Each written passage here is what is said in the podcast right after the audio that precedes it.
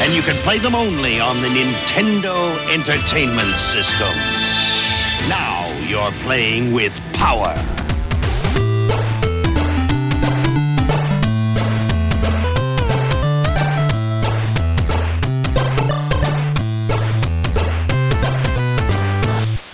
Welkom bij Buttonbashers aflevering nummer 65. Een, eh, een, ja, een beetje vreemde, eh, vreemde link leg ik nu echt op het moment dat ik begin, jongens. Dat ik denk, we doen alles digitaal. Hè, Gamespelers digitaal, podcast digitaal, uh, Buttonbashers forum, wat je kan vinden op www.button-bashers.nl is digitaal. En we gaan het vandaag in ons hoofdonderwerp hebben over papier. Dat is eigenlijk wel... Waar slaat dit op, Lekker Niels? regressief retro-onderwerp. ja, wie heeft dit bedacht, Steve? Nou, volgens mij was ik het niet. Oh, Jawel, volgens mij. Was ik het wel? Ik denk Oh, het. eh, ik, eh, ik ik weet hoor... zeker dat het niet Mike's idee was. en ik heb zelf nog wel een paar andere topics die ik eerder zou doen dan deze. Oh, dat, dat, was, ik, dat was ik het. Dat was nou, ik het. alle ja, maar, maar luister- goed dat, ik me- dat ik mijn hele papierhandel heb uitgezocht. Oké, nou dat is mooi. Dus alle, alle luisteraars die we krijgen, Steve, voor deze uitzending, die schrijven we allemaal aan jou toe. Zo, eh, zo zijn we dan ook wel weer. Daar ben ik dankbaar voor. Ja, toch? Eh, ik moet wel even één ding van tevoren zeggen, jongens. Wat ben ik toe aan vakantie, hé? Wanneer heb je vakantie, Pot. Mike? Eh, net als jij, Steve, nog twee dagen werken. En dan eh, heb ik drie weken vakantie. Nou, net als... Dus- Dat is echt precies gelijk met mij. Ja, ja Niels, jij hebt nog vakantie, hè? Ik heb nog één week vakantie. Oh. En daarna En ga ik weer naar Zuid-Korea. Oh, jeetje. Ook, eh, het is weer Game Jam eh, time, zeg Het is maar weer dan. Game Jam time. Oké, oké. Nou, netjes zeg.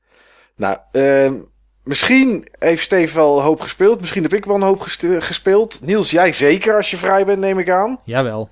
Nou, dan mag jij als eerste na het muziekje voor de Game Talk.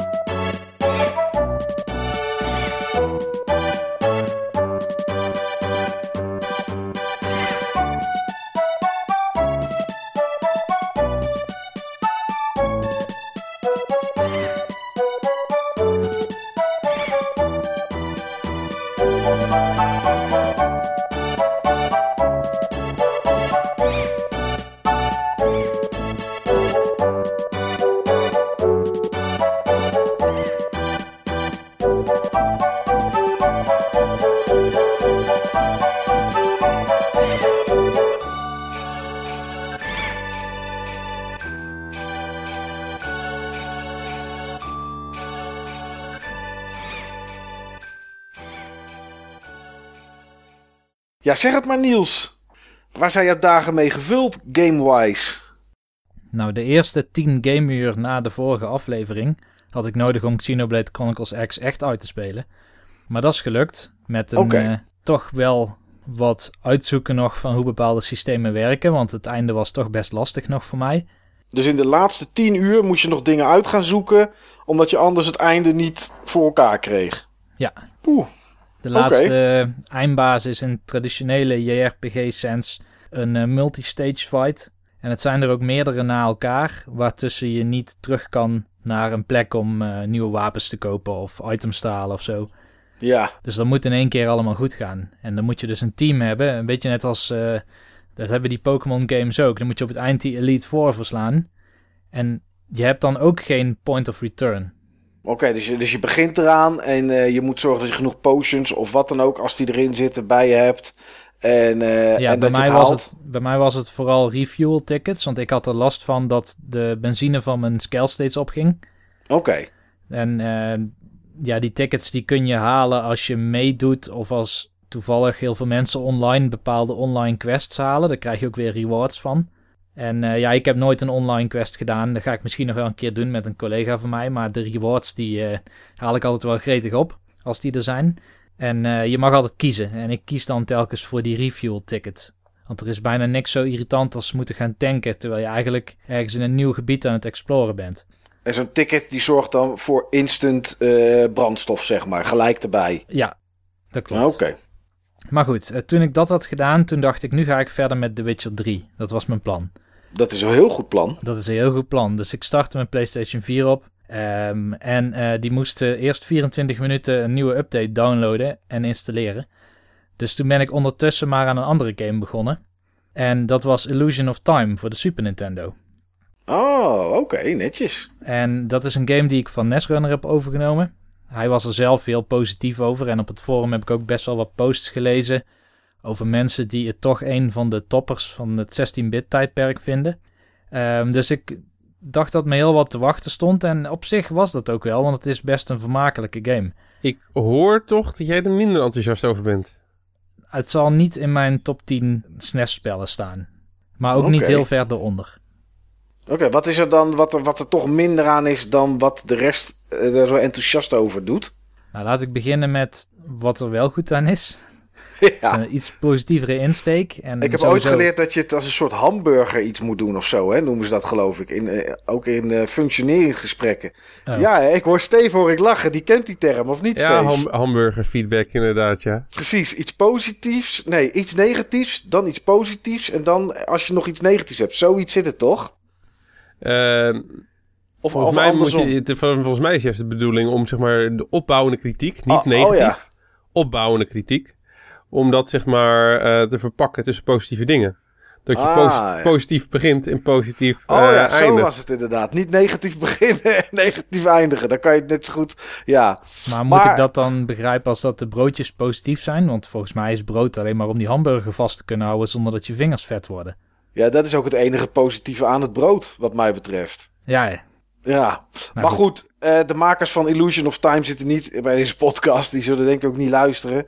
Eh, Nee, ja, dus- kijk, het is echt wel een hele leuke game hoor. Het is een soort action role-playing game, net zoals Secret of Mana. Dus het speelt actief, je moet zelf slaan. Het eh, krijgt ook geen instances. De beestjes die je op de map ziet lopen zijn ook de beestjes die je dan slaat. Ease is ook zo'n game trouwens. Ehm, en het is een vrij makkelijke RPG. Oké. Wat in ieder geval wel is, is dat het er heel mooi uitziet. Het is niet van Square, het is van Quintet en gepublished door Enix. Wat later dan samengevoegd is met Square. Ja. Het is een tweede deel van drie games die in principe als trilogie worden gezien. Klopt, ja. Eh, en is dit de eerste? dit is de tweede. Tweede. Oké. Ja. Want je hebt ook Illusion of Gaia of zo? Dat is de Eh, Amerikaanse nee. naam van hetzelfde spel. Oké. En wat zijn dan die andere twee? Eh, Soul Blazer. En ehm, die derde Terra is... Enigma. Terra Enigma, inderdaad, ja. Oké, oké. En, en al die games hebben ook religieuze elementen en eh, bepaalde filosofische thema's. Ehm het hiernamaal speelt een rol. En ehm nou, dat- eh, Dat durf ik niet te bevestigen, want van het verhaal heb ik weer niks meegekregen. Nee. maar in hoeverre zijn die games met elkaar verbonden? Niet, behalve misschien filosofisch. Oh, daar oké, daar zijn theorieën over. Maar dat valt voor mij onder de noemer bij elkaar gezocht als je het wil zien. Ja, ja, ja. Een beetje 9-11 theorieën, zeg maar. eh, Ja. wat, je wil, wat je wil zien is er. Ja, qua thematiek heeft het gewoon overeenkomsten. Oké. Nou, wat wel leuk is in de thematiek en wat mij ook wel aantrekt aan deze serie, is ehm, in ieder geval in Illusion of Time worden allerlei, zeg maar, historisch-aardse dingen, culturele dingen, in een soort alternatieve realiteit geplaatst. Dus in één spel en in één tijdsgeest kom je bij de Chinese muur, eh, in de piramides, in bepaalde inheemse stammen die dan vervolgens weer ergens een tempel hebben. In de Tower van Babel, Toren van Babylon. Dus er zitten heel veel bekende locaties, tenminste voor ons bekende locaties, die daar in een eigenlijk een andere wereld zeg maar zitten. En je speelt daarin een karakter die heet Will en die heeft een soort telekinese kracht, dus die kan dingen naar zich toe trekken of van zich wegduwen. Kan eigenlijk objecten bewegen in de ruimte. En dat wordt mondjesmaat in het spel gebruikt. Eigenlijk bijna niet genoeg gebruikt als je het mij vraagt om de mechanic überhaupt te verantwoorden. Je kan het ook niet echt gebruiken vaak in, ehm, in, het, in het battle systeem zelf. Dus het is echt een object wat eruit ziet alsof je kan bewegen, kun je waarschijnlijk bewegen. Dat is eigenlijk het enige waarvoor het gebruikt wordt. Je kan het niet op, eh, op tegenstanders loslaten om die van een randje af te duwen of zo dan nee, bijvoorbeeld. Nee, dat kan Oké. helaas niet. Wat ook apart is aan deze game, is in plaats van een soort overworld structuur waarin je naar allerlei gebieden kan, is het spel echt heel erg lineair. Dus je bent in het begin in een dorp, South Cape geloof ik dat het heet. En daarna ga je naar een kasteel en dan kom je terug naar het dorp. Maar dan kun je niet meer naar het kasteel. Dus je laat de gebieden altijd permanent achter. Alsof het een soort losse levels zijn. Oké, dus je moet ook, eh, eh, zodra je uit het dorp bent, kan je ook niet iets vergeten zijn dan, zeg maar. Omdat je door bent naar het volgende gebied. Ja, dat is een van de paar dingen die ik wat minder vond in deze game. Ja, een van de dingen bijvoorbeeld die je kan verzamelen zijn red jewels. En eh, dat zijn soort currency die je kan inwisselen bij juweliers. En dan krijg je bijvoorbeeld een stat increase of misschien een bepaalde kracht of zo. Ehm, die kracht die had je misschien ook wel later in het spel automatisch kunnen krijgen op een andere manier. Maar het is wel een manier om sneller bij bepaalde krachten te komen. Maar die red jewels, op het moment dat je er één hebt gemist in een gebied wat je achterlaat, dan kun je die ook dus niet meer halen. Ja, En daardoor is het ook mogelijk om tegen de laatste eindbaas te vechten, zonder dat je bijvoorbeeld al je health upgrades hebt. Dus dat je eigenlijk maar voor de helft misschien eh, hartjes gevuld hebt. Oké, maar ja, als het dan wel te redden is, zou dat op zich niet uitmaken. Nee, het, kijk, het spel is best wel makkelijk. Het is echt een vrij gemakkelijk spel. Eh, het is ook heel kort, Heel lineair. heel lineair. Het is 15 uur lang, denk ik, zoiets. Ik heb niet precies gemeten en er staat ook geen tijd 15, bij. 15 tot 20. Afhankelijk of je echt voor alles gaat. Ja. Maar ja, verder eh, ben je vooral aan het slaan met een fluit, is het geloof ik, van je Oh, hoofdpersonage. Ja, Dat is een listig wapen. maar op dat moment speelt het als een soort Zelda-game.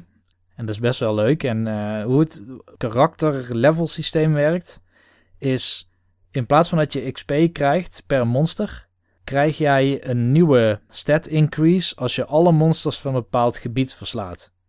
Oké, dus als je een, een, een stuk op de map, zeg maar, leeg slaat. Precies, ja.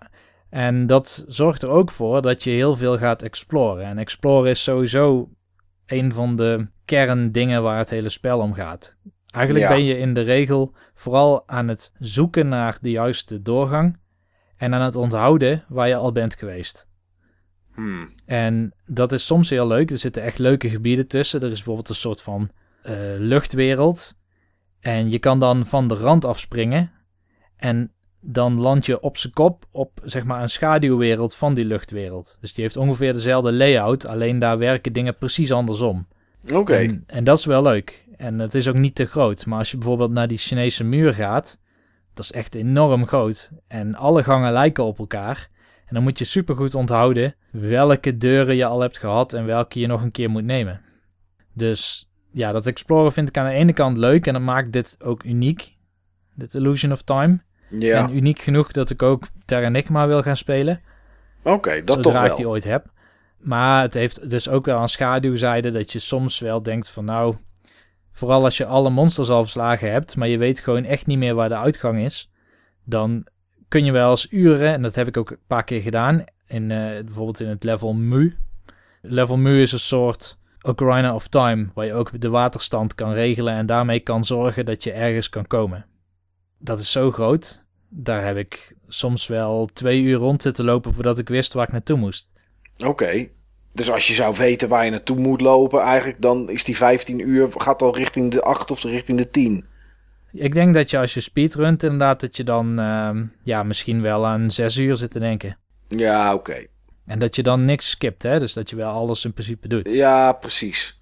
Maar goed, voor een, voor een tussendoorspelletje, als je zit te wachten op een update van The Witcher, Ja. is het best een aardige titel dan. Zeker, want ik was de Witcher al helemaal vergeten in de tussentijd. Ja. Nou ja, dat doet die game dan toch goed. Ja. Dat is de dure titel eigenlijk, om op dit moment te kopen. Ehm, nou, de kaart kun je vinden tussen, meestal tussen de 30 en de 50 euro, denk ik. Ah, Oké, redelijk te doen. Is dus. nog redelijk te doen. Terra Enigma is 70 of meer. Ja, dat is Dus een het dure game. Dat is inmiddels een dure game. Ja, die was een paar jaar geleden nog 30 euro. Maar die is wel enorm gestegen de laatste tijd. Soul Blazer gaat wel Amerikaans, als je die kaart wil, ehm, wil hebben. Eh, is in Europa alleen Engelstalig uitgekomen in Scandinavië. Die kaart is heel erg duur. En CB natuurlijk nog duurder. Overigens zit er een duidelijkere link eh, tussen Soul Blazer en Illusion of Time, Illusion of Gaia. Was ik vergeten. Ehm, als je alle 50 gems verzamelt, is er een extra baas waartegen je kan of moet vechten. En ehm, dat is een van de bazen uit eh Soul Blazer. En die refereert ook zeg maar aan, eh, ik noem het eventjes, eh, de avatar uit, ehm, uit Soul Blazer. Waar beide hoofdfiguren kunnen veranderen in een soort van engelachtige avatar. En ehm, ja, die noemt hem ook eh, de, eh, de Blazer. En Oké. ehm, ja, dus eh, daarbij bij die twee games heb je juist via die Easter egg wel een duidelijkere link. Ja, precies. Daar zit in ieder geval nog iets bij elkaar in verweven op die manier. Ja. Ja, dat eh, wat Steven net noemt, kunnen veranderen. Dat is inderdaad wel een ding van Illusion of Time wat ik ook interessant vond. Want in principe heb je geen party of zo. Je doorloopt het spel echt als één karakter. Als die wil. Er lopen wel wat NPC's mee, maar die spelen verder geen rol in de battles of zo. Maar je hebt speciale dark zones, dat zijn eigenlijk je save points. En soms kun je er ook veranderen naar, ehm, ja, ik geloof dat die Dark Knight Freedom heet. Dat is een soort ridder. En als je Freedom bent, dan heb je een paar andere soorten moves. En die moves kunnen jou helpen om ehm, beter beestjes te verslaan of bepaalde gebieden te bereiken. Maar je moet soms ook weer express will zijn, want beide karakters kunnen nieuwe vaardigheden krijgen. En bijvoorbeeld Will, die krijgt op een gegeven moment een vaardigheid waarmee die zeg maar een soort van slide kan maken onder muurtjes door. En dat wordt dan gebruikt in dat mu-level bijvoorbeeld. Dat was ook de reden waarom ik daar vrij lang over heb gedaan. Blijkbaar kon je daar over onder een muur door glijden. Maar dat kan alleen Will. En jij liep als die ridder rond. En ik liep natuurlijk als die ridder rond, want die slaat in veel minder hits al die beestjes neer. Ah, ja. En als je, dan, als je dan al een uur aan het dwalen bent, dan is dat wel zo prettig, zeg maar. Ja, en op het eind krijg je ook nog één extra karakter, Shadow. Oké. En die is nog sterker, maar ik heb daar nooit extra moves voor gekregen. Want die kwam eigenlijk zo laat dat ik nooit meer een upgrade heb gezien sindsdien. Nee. Oké, nou ja. Al met al klinkt het best wel nice. Oh ja, zeker. Het is zeker als je van dat soort spellen houdt, denk ik wel een van de betere die je kan vinden op de SNES. Oké. Vroeger was het een van mijn drie favoriete games op de SNES. Oké, Eh, ik zou hem nu niet meer bij mijn top 3 noemen. Ik weet niet eens of ik hem nog bij mijn top 10 zou eh, noemen. Maar eh, ja, vroeger was ik echt helemaal into eh, action, adventure en, eh, en RPG-achtige games. En toen was mijn eh, top 3 altijd eh, Zelda, Secret of Mana en deze. oké. Ja, ik denk dat ik wel deze misschien iets beter vind dan Secret of Mana. Ja, dus ik, ik snap ook wel waarom. Je hebt wel eens je mening over Secret of Mana gegeven. Ja, dat is waar. Oké. Maar je was de Witcher vergeten en die heb je daarna ook niet meer gespeeld dus. Nee, ik heb daarna nog wel een PlayStation 4 game gedaan, maar dat was toen niet The Witcher. Wat heb je dan nog gespeeld? Dat was Transformers Devastation Ah, van. Platinum Games. Dat is wel een aardige titel, toch? Ja, die eh, viel me zeker niet tegen. Ik heb er vrij lang over gedaan om die te kopen, want ik dacht dat dit deel door een soort B-team of zo gemaakt was van Platinum Games. Ja. En je, je merkt ook wel dat het op een laag budget gemaakt is, maar het heeft wel die Platinum Games kwaliteit in het battlesysteem. Het is een vrij korte game van een uur of vier, denk ik. Ja, zoiets hè. Vijf, vijf uurtjes of zo inderdaad. Vier, vijf uurtjes, ja. Ja, vrij kort. En ehm, ja, ik zei net budget. Dat budget, dat vindt vooral het wasdom in het level design. Want je bent eigenlijk driekwart van het spel in dezelfde omgeving met dezelfde copy-paste gebouwen aan het spelen. Oké. In een soort stadje. Eigenlijk zijn er volgens mij maar twee of drie verschillende omgevingen. En allemaal Oh, ik dacht je gaat, ze- zeggen, je gaat zeggen twee of drie verschillende gebouwen. Nee, Zo erg is het dat nog niet. niet. Nee, zo erg is het niet. En het valt ook niet op hoor, tijdens het spelen. Want het speelt eigenlijk als een soort Bayonetta light. Eh, dus je bent een van die, eh, van die Transformers. Je kan zelf kiezen welke.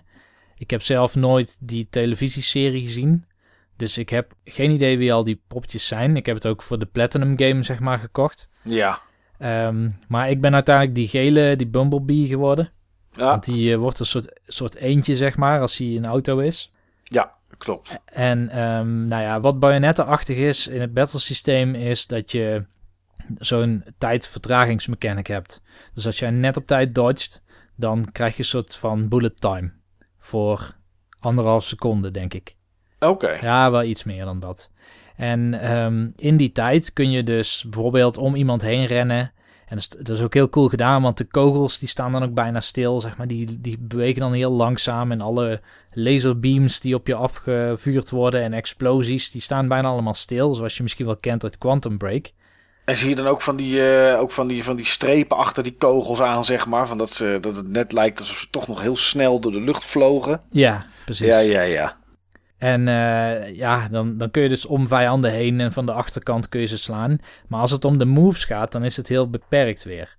Oké. Dus kijk, bij Bayonetta heb je misschien wel 24 verschillende moves die je kan doen. Moet je ook allemaal loskopen en zo.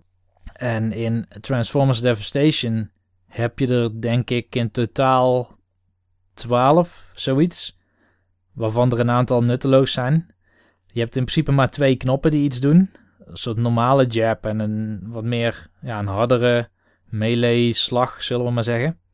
En dat is eigenlijk wat je de meeste tijd van het spel doet. Je dodgt, je valt aan. Oh ja, er is dan nog een soort quicktime event. Dat is het transform. Dus als er dan staat R1, dan transformeer je in een auto en dan doe je dan iets speciaals. En, is, het, is, het, is het puur de bedoeling om gewoon alleen maar te rammen, zeg maar? het is wel echt een soort button masher. Oké. Ja. Het speelt als een soort 16-bit beat'em up. Oh, daar heb ik ook nog. eh, Daar heb ik er straks ook nog eentje die ik gespeeld heb. Oh, nice. Nou, het heeft nee. namelijk echt die ervaring. oh, niet? Oké, dan is Devastation ook niks voor jou, denk ik. Ja, dat Want weet ik, vind niet. het Maar van dat. eh, alle 3D brawling games nog het meeste lijken op een traditionele beat'em up. Qua ervaring. Zit er nog, ja, ik weet dat het een stomme vraag is natuurlijk, maar zit er nog iets van een beetje verhaal in? Eh, ja, er zat iets van een beetje verhaal in, maar het had iets te maken met een core die niet beschadigd mocht raken, want het zou het einde van de aarde betekenen. Oh ja, nou, dat klinkt wel als Transformers inderdaad, ja. Ja, maar het is wel leuk bedacht hoor, met die, eh, hoe heet ze. Decepticons. Decepticons. Ja, Ja. die hebben dan een soort ja, turbines in de stad geplaatst. Waarom? Geen idee. Maar het Ja, zorgt in om, ieder geval wel eh, voor dat je niet overal heen kan in het begin. Om kwaad, eh, kwaad te doen natuurlijk. Dat Ik zijn de het. Decepticons.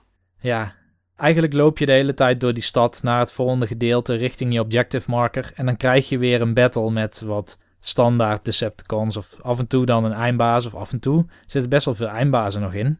Of tussenbazen. Ja. En dat is ook wel leuk gedaan, want die voelen wel echt allemaal anders. Ik denk dat je wel 25 echt verschillende soorten vijanden hebt die je Oh, dat is- tegenkomt. Dat is nog op zich wel redelijk voor een game van 4, 5 uurtjes. En eh, ja, kijk, allemaal figuren uit de serie. Allemaal beke- bekende Transformers. wat wel is, is het is zo verschrikkelijk makkelijk, het spel. Het is echt makkelijk. Ik ben nooit afgegaan. Ik heb op normal gespeeld. Misschien moet je ook op hard spelen. Maar eh, ja, als je Bayonetta gewend bent, dan dodge je. Je doet je ding. Ondertussen krijg je die quicktime event, want daar ben je iets voor aan het eh, opbouwen, zeg maar. Die druk je in, die kun je soms twee keer achter elkaar indrukken. Dan is je vijand stunt, dan box je weer een paar keer. Dan mag je weer met die auto er tegenaan botsen. Dus je zit in een soort oneindige combo de hele tijd. En vrij veel tijd zit ik ook in dat bullet time. Dus voor een Platinum Games game vond ik deze wel heel erg makkelijk, maar toch wel heel vermakelijk. Oké. Was die nog duur? Heb je hem digitaal gekocht of op disc? Ik heb hem op disc en hij was volgens mij 20, 25 euro. Ah, dat is wel de moeite waard. Ja, ik weet dat, dat Killing Raptor van, eh, van het forum, die, eh, eh, die heeft hem op de PC. nou, die, die heeft hem geloof ik al 36 keer uitgespeeld. Ja, dat zou goed kunnen. En die, die vermaakt zich er nog steeds mee inderdaad, zo nu en dan. Dus wat dat betreft moet het inderdaad wel een aardige titel zijn. Het is wat dat betreft voor een Platinum Games game wel een game die je heel vaak kan spelen vanwege die tijd en vanwege de simpelheid van de mechanics. Het is geen Bayonetta of Wonderful 101. En je hebt gespeeld op de PS4, toch? Ja. Oké, ja, ik zit even te kijken. Digitaal is die alleen te koop voor de PS3. Ik snap niet waarom die digitaal niet voor de PS4 te koop is, maar uh, wel... Het heeft uh, ook de typische Platinum Games problemen hoor. Van uh, proberen 60 frames per seconde te halen, maar dat stort heel vaak in. Oké. Maar het ziet er wel echt heel mooi uit en het speelt ook wel vloeiend. Ik heb nooit last gehad van frame drops in gameplay termen. Nee, alleen je ziet wel dat het ze niet helemaal lukt. Ja. Oké. Nou, nice. Uh, hoe is het met jouw frames, uh, Steve? Zijn die ook gedropt? Mijn frames zijn wel redelijk constant. Oké, okay, dat is nice. In welke game uh, onder andere dan? In welke game onder andere? Eigenlijk alleen in Pokémon Go. Oh nee toch? Ja, ik ben er best wel hard op gegaan. Oké, okay, ja, ik, ik... Nou, brand maar los als je dat wil, Steve. Ja, ik, ik ben inmiddels... Ik ben eventjes wat kingetallen. Ik ben inmiddels level 22. En uh, ik heb inmiddels 75 unieke Pokémon. Ja. Dus je zou kunnen zeggen, ik ben halverwege. Dat is natuurlijk niet zo, want uh, de Pokémon die je nog niet hebt, die zijn steeds lastiger en lastiger te vinden. En uh, ja, ik, uh, ik heb er wel de nodige uurtjes door, door Gouda en Contraille wandelen op zitten. Oké. Okay. Ja, en ik vind het eigenlijk wel heel erg leuk. Je bent niet woest op Niantic? Nou, ik gebruikte die website niet die geblokt is, Pokevision. Nee. En ook voor... die, uh, die radar met die stapjes niet of zo. Die ja, was toch die, wel een beetje gebukt, maar... Nou, die beetje, die deed het gewoon niet. Nee. Dus ja, ja, ze zullen het heus wel oplossen uiteindelijk. Maar ik vind, wel, ik vind het wel een zwaktebod. Ik vind ja. wel van, uh, joh, uh, veel mensen gebruikten Pokevision, een website waarmee je zeg maar nauwkeuriger kon zien welke Pokémon er in de buurt zitten. Uh, als alternatief op de kapotte radar. En nu hebben ze die kapotte radar eigenlijk nog, nog verder uitgezet. Je had er al niks aan hoor. En hebben ze zeg maar die website afgesloten. nou vind ik meer een actie die je uitvoert op het moment dat je echt een oplossing hebt gerealiseerd. Ja, precies. Dus dat vind ik een beetje, dat is een beetje flauw. En uh, ja, het internet is een beetje boos. Ja, mensen hebben geld teruggevraagd en dat soort dingen. En daar zit Niantic zelf niet tussen. Dat doet gewoon de Play Store volgens mij. En, en Apple doet het in, de, in de App Store. En volgens mij, als je alleen maar zei van na de update doet de game niet meer wat ik wil, dan kon je al je aangekochte eurotjes kon je terugkrijgen. Wauw. Ja, dus dat is wel, ja, dat is wel een heftige actie. Maar goed, dat heb jij niet gedaan. Uh, is het, is het, zie je dat het afneemt qua mensen die het spelen? Of is het nog steeds uh, druk overal en heftig? Uh, ik heb wel het gevoel dat het iets afneemt. Maar het, het, het verandert het leven op straat gewoon aanzienlijk, joh. er zijn tot diep in de, na in de nacht zijn er gewoon mensen op straat. Ja, bizar. En ja, vraag, me niet, vraag me niet waarom ik dat weet. Nee, nee, nee. Dat zie je uit je raam natuurlijk, omdat je een beetje dat zie ik in het centrum uit mijn raam. Woont. Ja, omdat ik in het centrum woon. Absoluut niet omdat ik zelf ook uh, regelmatig wel diep in de nacht uh, door de Gouden aan het wandelen was om, om pokeballs te, te pakken en om te hopen dat er nog eens een keer iets moois te scoren was. Want nee. zo, ben ik, zo ben ik niet. Nee, snap ik. Wat is het maximale level wat je eigenlijk kan halen in die app? 40. 40. Okay. Ja, maar op een gegeven moment um, nemen de, zeg maar de, um, neemt de hoeveelheid XP die je moet verdienen tussen de levels bijna logaritmisch toe. Oké. Okay. Dus dat uh, wordt op een gegeven moment wel meer en meer en meer. Ja. Dus uh, in eerste instantie kon, je, kon ik zeg maar een leveltje krijgen met 10.000 XP, 12.000 XP, 15.000. En inmiddels, even kijken... Inmiddels moet ik 100.000 XP um, verdienen. En volgens mij is het voor mijn volgende level 125 of 150.000 XP. Ja, dan wordt het wel fors. Dan gaat het niet zo hard meer. Want nee. de hoeveelheid XP die je binnenhengelt op alle acties kan, die je kan doen, is hetzelfde. Ja, die wordt niet. Ja, dat blijft, dat blijft gelijk. Ja. Ja. Ja, en heb je nog uh, natuurlijk nog uh, Pokémon die, uh, die intercontinentaal of die, die, die, ergens met per, per land gebonden zijn, ja, geloof ik. Klopt, klopt. Je hebt echt Pokémon die het zijn met heel veel geluk uit een 10 kilometer ei kan halen. en die in principe regio gebonden zijn. In Europa is dat Mr. Mime. In Amerika is dat Taurus. Dan heb je volgens mij nog in Azië heb je Farfetch. En wat je in uh, Oceanië hebt, weet ik even niet. Oké, en dan denk je niet van ik pak fake GPS en ik stel het daar even in en dan kijk ik even of die ergens rondloopt. Daar heb ik eigenlijk nog niet helemaal bij stilgestaan. Ja. Dat is eigenlijk wel, uh, ja, dat is wel een idee eigenlijk. Ja. Dus, ja, uh, goed. ik, denk, ik denk wel dat de kans groot is dat je daarop geband wordt hoor, maar... Uh, Als ze erachter hey, komen, vast ja, wel. Ja, worth a try zeg ik dan. Ja, als je maar ik echt, heb, ik, heb wel hele mooie, ik heb wel hele mooie verhalen hoor, over, over mijn Pokémon avonturen. Nou, deel maar iets dan. Want ja, over de game zelf valt niet zoveel ja, meer te echt, vertellen natuurlijk. Oh, jawel hoor. Maar echt, legend, echt legendarische uh, verhalen. Um, zeg maar in het laatste weekend voordat de game officieel uitkwam... hadden we hier in het appartementencomplex twee feestjes. Hadden we de housewarming van een uh, buurvrouw die nog niet zo heel erg lang woont. En uh, hadden we zeg maar het... Um, afstudeerfeestje en de verjaardag van een, van een dame die al langer woont. Vrij jonge dame. Leuke dame, een jaartje of 24 of zo. En we gingen daar met z'n allen heen. een paar buren en, en ik. Nou, daar was iedereen al behoorlijk aangeschoten op het moment dat we aankwamen. En er waren dus veel, veel jonge meiden van die leeftijd. ook eentje die ik nog kende uit, uit Moordrecht. En op een gegeven moment ging het over, um, over Pokémon.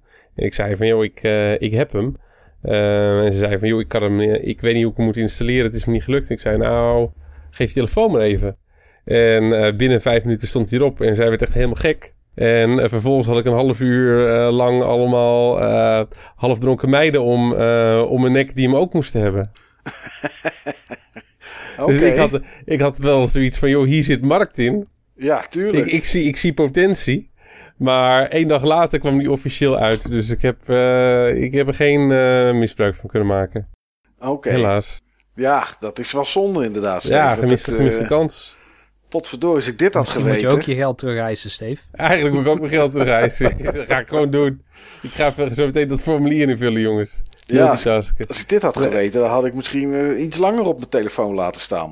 Ja, een andere, een, een maat van me, die gaat gewoon regelmatig diep in de nacht met, uh, met zijn matties gewoon een beetje, zeg maar, uh, door Gouda uh, toeren in de auto, stapsvoets.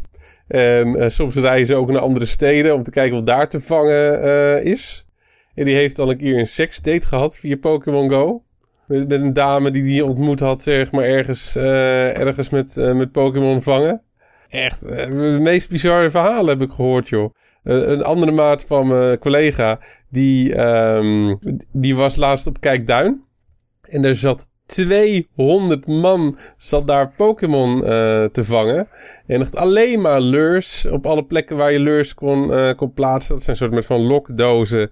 Waarbij je zeg maar op een, uh, op een bepaald punt een Pokestop kan je zo'n ding plaatsen. En dan komen zeg maar meer Pokémon op, op af. Ja, dat is een beetje hetzelfde wat jij op dat feestje had, zeg maar. Had je ook ja. allemaal lokdozen om je heen? Ja, maar toen, toen, was ik zelf, toen was ik zelf de lokdoos.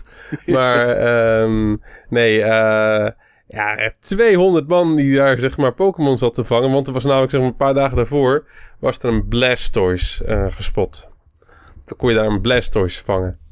En ik heb ook beelden gezien op, uh, op internet met die Blastoise. Nou, het, het, was een beetje hetzelfde als, uh, als beelden van een aanslag. Dat op een gegeven moment iedereen gaat rennen. Dat iedereen gek wordt. Ja. Ja, ik heb, ik, heb, ik heb dat soort dingen ook wel gezien op Kijkduin laatst nog. En, en Rotterdam ergens bij de Koolsingel. En uh, ja, het, is, het, het, blijft, het blijft bizar. Ja, het is echt, wat ik de vorige keer ook al zei. Het is gewoon echt een sociaal-cultureel fenomeen. Ja. En, en met name gewoon uh, de impact die het heeft op het, uh, op het straatbeeld. Want hier in Gouda, um, je hebt een paar plekken waar drie van die pokerstops elkaar overlappen.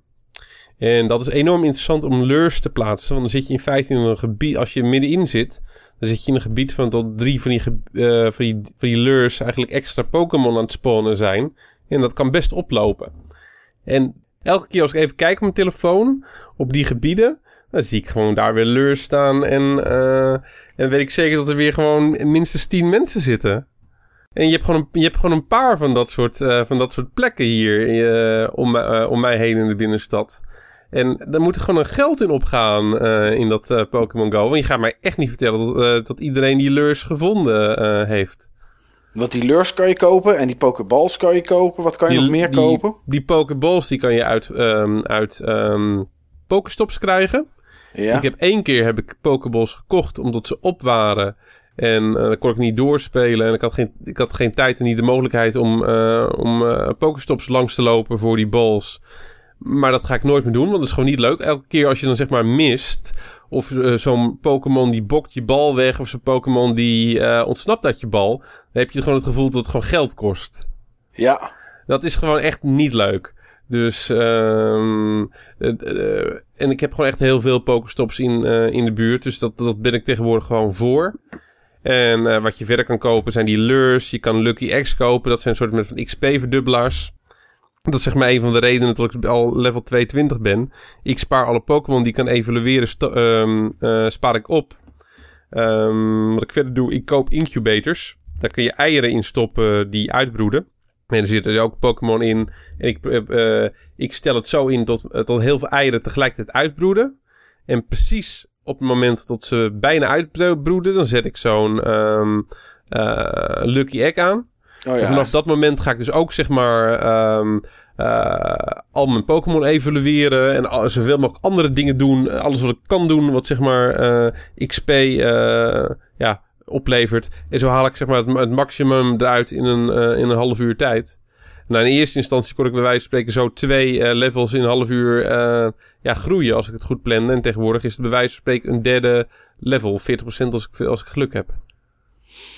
Want een planning komt er nog bij kijken, man. Ja, ja, gotta catch 'em all, jongen. Gotta catch 'em all. Ja, dat moet ook wel, want het spel legt zo weinig uit. Het spel legt heel weinig uit. Ja, je moet het echt opzoeken of beplannen met andere mensen of zo. Anders dan is het echt te moeilijk. Ik bedoel, ik ben zelf level 5, Team Mystic. En ehm, ik heb alleen maar Weedles in mijn leger. Maar ik heb geen idee hoe ik nou bijvoorbeeld zo'n eh, zo'n zo'n gym overneem. Goed, dat ga ik wel weer proberen straks als ik wat meer tijd heb. Of wat meer tijd heb. Voor mij nou, ik heb nu de tijd van mijn leven. Ja, je Eh, hebt als ik- vakantie. Ja, als ik wat minder tijd heb, zo moet ik het zeggen. Als ik op weg naar mijn werk ga, dan kan ik het weer eens proberen. En dan kan ik me iets meer verdiepen weer in hoe het ging. Maar van Ja, de jongen, andere kant ik is heb, het ook ik wel heb zo. Coaching, ik heb coaching gekregen. Oh. eh, van hoe je gyms eh, verovert. Ik had daarvoor een mentor.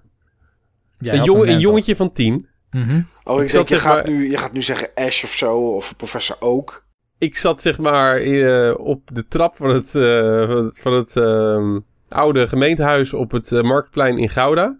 Want ik wist dat het een gym was. En ik denk van, ik ga eens proberen om die aan te vallen. Of kijken hoe ver ik, hoe ver ik kom. En op een gegeven moment ja, komt er een jongetje naast me zitten. Die kijkt zo over mijn schouder mee. En die zegt zo, zo tegen mij, joh, je gaat dan niet daarmee proberen om die gym aan te vallen? Ik zeg, eh, nee. En eh, hij zegt van, joh, eh, moet, je, moet je kijken wat er in die gym zit. Oh, k- kun je dat zien dan? En ja, moet je naar rechts gaan. Oh. En toen ging hij uitleggen waarom ik geen schijnvakans eh maakte. En legde hij nog wat andere dingen uit. Ook van hoe het, dat je echt... Ik dacht eerst dat eh battle in die gyms volledig automatisch ging. Maar je moet ook daadwerkelijk zeg maar dingen doen. Je moet echt acties ondernemen. Had ik helemaal niet door. En vervolgens ging hij kijken wat er verder eh, qua gyms in de buurt eh, zat. En hij zei van, kijk, er zit er eentje, er zit hem één in, die kun je wel hebben. Gaan we daar naartoe. En vervolgens ging hij op zijn skateboardje gewoon daar keihard naartoe. En ik, ik erachteraan een beetje, eh, een beetje hobbelen. Want hij had een beetje haast. En achteraf bleek ook waarom. Want hij moest om half tien thuis zijn. Half tien. De kind was Ja. tien jaar. Ja, 10, 10, 11 jaar, maar vakantie, hè. Vakantie, dat kan altijd. En Pokémon. Ja. Vakantie. Dus eh, ik, moest, ik moest zo lachen. Dus, eh... Je liep, gewoon, je liep gewoon als volwassen kerel achter een ventje van tien aan. Want die ging je uitvertellen hoe je een- pokergym kon overnemen. Ja, ja. Ja, Het was een hele goede uitleg. Ja, dat zal ongetwijfeld was het gelukt. Eh, toen niet, want dat was, die servers waren toen nog zo instabiel. Dus uiteindelijk, ik werd er steeds uitgeflikkerd bij die Alleen, eh, ja, inmiddels kan ik het gewoon eh, best goed. Gyms, eh, gyms pakken is geen probleem. Gyms houden is dat wel, want ik zit in team geel. Ja, dat zijn een beetje de underdogs. Oh, oké. Welk team is eigenlijk het grootst? Blauw. Oké. Wereldwijd is blauw het grootst. Blauw is ongeveer, er zitten ongeveer 60 mensen eh, in. En er zijn ook hele theorieën over waarom dat, eh, dat is. Eh, blauw staat in het midden op het keuzescherm. En eh, blauw is een eh, eh, neutrale en aangename kleur. Veel voor veel mensen hun lievelingskleur. En eh, nou, er zijn echt hele theorieën over. Hier in Enschede is het volgens mij groen. Dat het meest... eh, Eh, er is geen groen. Nee, dat weet ik. De andere is rood, toch? Rood, geel en blauw, ja. Ja. Oké. Nou ja, Steve. eh, volgende podcast die we opnemen, level 30 minimaal. Nee, dat kan ik me niet voorstellen. Oh, ik, ja, ik moet nog één ding even vertellen. Dat was echt gewoon te hilarisch. Ik had zeg maar vorige week zaterdag had ik een bordspellenavond. en ik liep zeg maar om, eh, het duurde vrij lang. En ik, duurde, ik liep om half twee liep ik weer eh, richting huis. En op het eind had ik nog zoiets, nou ik ga nog eventjes kijken zeg maar op het Marktplein of ik nog bekenden eh, tegenkom. Uitgaansavond. En anders dan, dan ga ik daar gewoon nog wat Pokémons vangen. En er zat echt helemaal niemand meer op het marktplein. Ehm, behalve mijn buurvrouw. En een van die vriendinnen bij wie ik zeg maar dus Pokémon erop had eh, gezet. En die riepen mij dus heel enthousiast. Dus ik liep daar naartoe. En ehm, eh, joh, je loopt er geen Pokémon te vangen. Ja, ik- eigenlijk wel. En eh, ik een beetje praten over bordspellen en over Pokémon. Maar mijn buurvrouw die was dus zeg maar ook op vakantie geweest. In Malaga. Met een vriend. En die had daar een internetbundel gekocht. En die had echt een paar van de meest bizarre Pokémon die ik gezien heb. Ik heb ze voor de rest ook nog nooit eh, gezien eh, bij, eh, bij iemand. Die heeft daar dus gewoon op vakantie op country Pokémon lopen vangen. Oh, oh, oh, oh, oh. Ja. En eh, van de vriend mocht ze ook bepaalde eh, Pokémon ook niet wegdoen. Want die konden ze dan allemaal ruilen op het moment dat het dan, zo, dat het dan kon. Ja, ja, ja, dat die, mogelijkheid er komt. Ja. Dus, eh, maar dat is toch gewoon mooi. Want joh, ik, zij is gewoon wel... eh, zij staat echt onderaan mijn lijstje met mensen van wie je verwacht... dat ze gewoon zo los eh, gaan op, op, iets. Ja, En ja, zo, ik, het is zo mooi. Ik vind, het ook Ik zo, ik vind het zo'n mooi verhaal. ik zag ook van een kameraad van mij, zag ik foto's op Facebook en op ergens in Spanje geloof ik. En elke keer als ik een foto van hem zag, zat hij met zijn telefoon in zijn handen. Ja, dat is wel heel triest. Ja, dat, dat heb ik ook gezegd tegen hem. Ja, ik heb voor mezelf of, eh, afgesproken. Ik mag alleen maar. ehm, op het moment dat ik mijn eigen vakantie heb. en Ik ga naar Edinburgh. Mag ik zeg maar alleen maar Pokémonnen met een lure of met incense. Zeg maar eh, dingen die je eh, gebruikt om extra Pokémon te vangen. En waar ook een, zeg maar een timer op zit. Daar heb ik er op dit moment zeven van bij elkaar. Dus maximaal mag ik bij elkaar 3,5 uur Pokémonnen. Oké, nou ja, Verspreid over, verspreid over een week. Ik vind het een mooie afspraak met jezelf. We horen graag als je terug bent of, je, of dat gelukt is. Ik ben ook benieuwd of dat gelukt is dan. Ja, dat dacht ik wel. En eh, is dat het enige wat je gespeeld hebt? Nee, toch, Steve? Nee. Ah, gelukkig, man. Ik heb namelijk nog iets gespeel- gespeeld met, ehm, met Niels. Oh ja. Ja, ja. En ehm, eigenlijk is het geen game. Eigenlijk is het een, eigenlijk is het een bordspel. Maar het is het meest gameachtige bordspel wat, eh, wat Niels en ik allebei kennen. Oké. Qua, qua regels, qua opbouw, qua hoe het speelt. En eh, ja, vandaar dat we afgesproken hadden dat we hem ook eventjes de revue gingen eh, laten passeren. En eh, spring me vooral af en toe bij, eh, Niels. Nou ja, ik zit nog met een oude regelset in mijn hoofd, hè. oh ja, ja dat, dat, dat- dat moeten we nog eventjes, zeg maar, eh daar moeten we nog eventjes, zeg maar, wat eh komische verhalen over vertellen. Dat is eh, Castle Ravenloft. Dat is zeg maar een ehm, eh, Dungeons and Dragons ehm, dungeon crawler. Ehm, het lijkt in sommige opzichten een beetje op een game die wij op de dag vandaag drie jaar geleden hebben gespeeld, Mike. Oh, op Gears of War. Ja, het lijkt in zekere zin een beetje op Gears of War. Ehm, eh, op basis van een scenario wat je speelt, ehm, creëer je een dungeon. Dat doe je door tegels te trekken van een, eh, ja, van een trekstapel. Die tegels, er zitten bepaalde tegels wel of niet tussen. Die zijn in bepaalde volgorde eh, geschud. En dat levert uiteindelijk op basis van een aantal extra regels die erbij komen dan een, een dungeon op. Alleen met Niels heb ik het voor de tweede keer gespeeld. Ik had het één keer gespeeld met, met Joey. En eh, ja, gewoon waarin het heel erg gameachtig is, is de manier van hoe monsters verschijnen, hoe monsters zich eh, gedragen.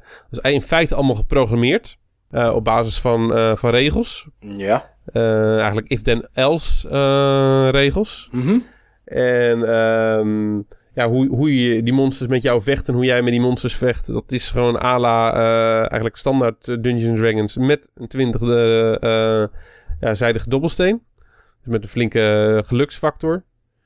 Dus eh, ja, Joey vond die game ook automatisch geweldig. Dus eh, hij was er ook heel goed, hij was er ook heel goed in. Of hij, hij zou er heel goed geweest in zijn op het moment dat ik niet tal van regels verkeerd geïnterpreteerd had. Oh, hé, hey, maar dat klinkt helemaal niet als jou, Steve. Eh, dat, klinkt heel, eh, dat klinkt helemaal niet als mij. Maar ter, ter mijn verdediging, eh, eh, eh, Niels. Het, het waren wel veel regels. Ja, dat klopt. En het dat bleef, het bleef nog lang stil in de podcast. Nou, het is best een ingewikkeld spel als je nooit eerder zo'n dungeon crawler hebt gespeeld. En dan is Castle Ravenloft ook nog eens een dungeon crawler met een net wat andere regelset dan de meeste andere die ik heb gespeeld. Oké. Dungeons and Dragons-achtig zag ik erbij staan. Ja, het ziet er echt schitterend uit. Ik heb hem zeg maar via internet eh, gekocht op eBay. En ehm, alle figuren, ehm, die zijn geschilderd. Ah, ja, ja, ja, dat is die Dat is de reden dat ik ook mijn figuren ben gaan schilderen. Ja. Maar het is, het is, het is co-op naar een, een, een crypt of zo eh, lopen aan het einde, zie ik. Is dat, is dat het doel? Of wat is het doel? Dat, dat verschilt per scenario. Eh, wij hebben eigenlijk twee scenario's gespeeld. Eh, en een van de regels die we verkeerd geïnterpreteerd hadden, of die ik verkeerd geïnterpreteerd had, was de manier hoe monsters eh, aanvallen. Ehm, monsters raken namelijk gekoppeld aan een, eh, aan een eh, karakter. En vallen aan in, de, aan in dezelfde beurt als dat karakter. En ik heb tot heel lang gedacht dat monsters elke beurt aanvielen. Dus het kwam, erop neer, het kwam erop neer dat monsters vier keer zo vaak aanvielen als dat eigenlijk de intentie was. Oh, dus er werd het wel een stukje pittiger door waarschijnlijk ook. Daar werd het wel een stukje pittiger door. We hebben denk ik het eerste scenario vijf of zes keer gespeeld. Nee, nee, nee. We hebben het eerste scenario hebben we drie keer gespeeld. En de derde keer hadden we het. Oké. Ondanks, eh, met, met jouw regels, zeg maar, Steve. Eh, de, de derde keer, toen hadden we het, zeg maar, toen hadden we de, eh, toen hadden we de regels goed geïnterpreteerd. Soort van. Ah, oké. Ook nog steeds een soort van. Ja, we, nog, een paar, nog steeds een paar kleine dingen die we niet helemaal goed hadden. Steve belde mij de dag erna op. Van ja, ik heb weer iets ontdekt wat we niet goed hadden gedaan. maar wat wel is, ik vond juist die, eh, die regelset, zoals Steve ze zeg maar verkeerd had geïnterpreteerd en zoals we begonnen met het spel, vond ik wel episch. Want het was wel echt moeilijk. Het is sowieso interessant, want je speelt zeg maar met random generated levels. Dus elke keer is het level helemaal anders. Welke monsters komen en in welke volgorde en hoe goed ze zijn, dat kan variëren van potje tot potje. Dus soms had je een potje en dan ja, stoomwals die je bij wijze van spreken over de zombies heen. En het volgende potje kreeg elke room waar je doorheen liep een trap. En was je daar beurtenlang mee bezig om die trap uit te schakelen. Oké. En we speelden allebei twee karakters. Ik was een eh, ranger en een dwerg met een bijl. En eh Steve, jij was een tovenaar En, en een eh, warrior. en een warrior, inderdaad, ja. Ja, dus we bestuurden altijd twee, allebei twee poppetjes. En dat is een voordeel en een nadeel. Het nadeel is dat je dus ook rekening moet houden met meer vaardigheden. En het spel gaat er wel vanuit dat je echt samen speelt en samen beslissingen maakt. En als je een karakter speelt wat sowieso al zes bijzondere vaardigheden heeft, waarvan je heel erg goed aan het opletten bent, of nu het moment is om die vaardigheid dan eindelijk in te zetten, of dat je misschien toch niet bewaart voor een of andere eindbaas encounter die je nog gaat krijgen. Ja, als je dat met meerdere popjes tegelijk moet doen, en dan moet je ook nog met elkaar allerlei dingen afspreken, dat kan best wel ingewikkeld worden. Ja, oké. Ja, ik moet, ik alleen wel zeggen, eh, de vaardigheden, it were the least of our problems. Ja, We werden echt zo kansloos afgemat. En ik kon het ook gewoon niet begrijpen dat het eerste scenario al zo fucking moeilijk was. De difficulty curve was zo eh, bizar. Het voelde echt alsof we gewoon tegen een eindbaas aan het vechten waren in dat eerste scenario.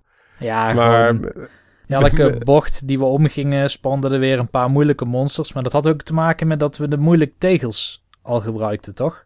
ja, dat klopt. En we hadden zeg maar het bewegen hadden we ook verkeerd geïnterpreteerd. Waardoor we ook niet goed konden vluchten. Ja, Dus we, we hadden een paar dingen achter tegen ons, eh Mike. We hadden een paar Ja, dingen tegen dat, ons. dat, zo klinkt het wel inderdaad. Je hebt het jezelf eh, onnodig moeilijk gemaakt, zo te horen.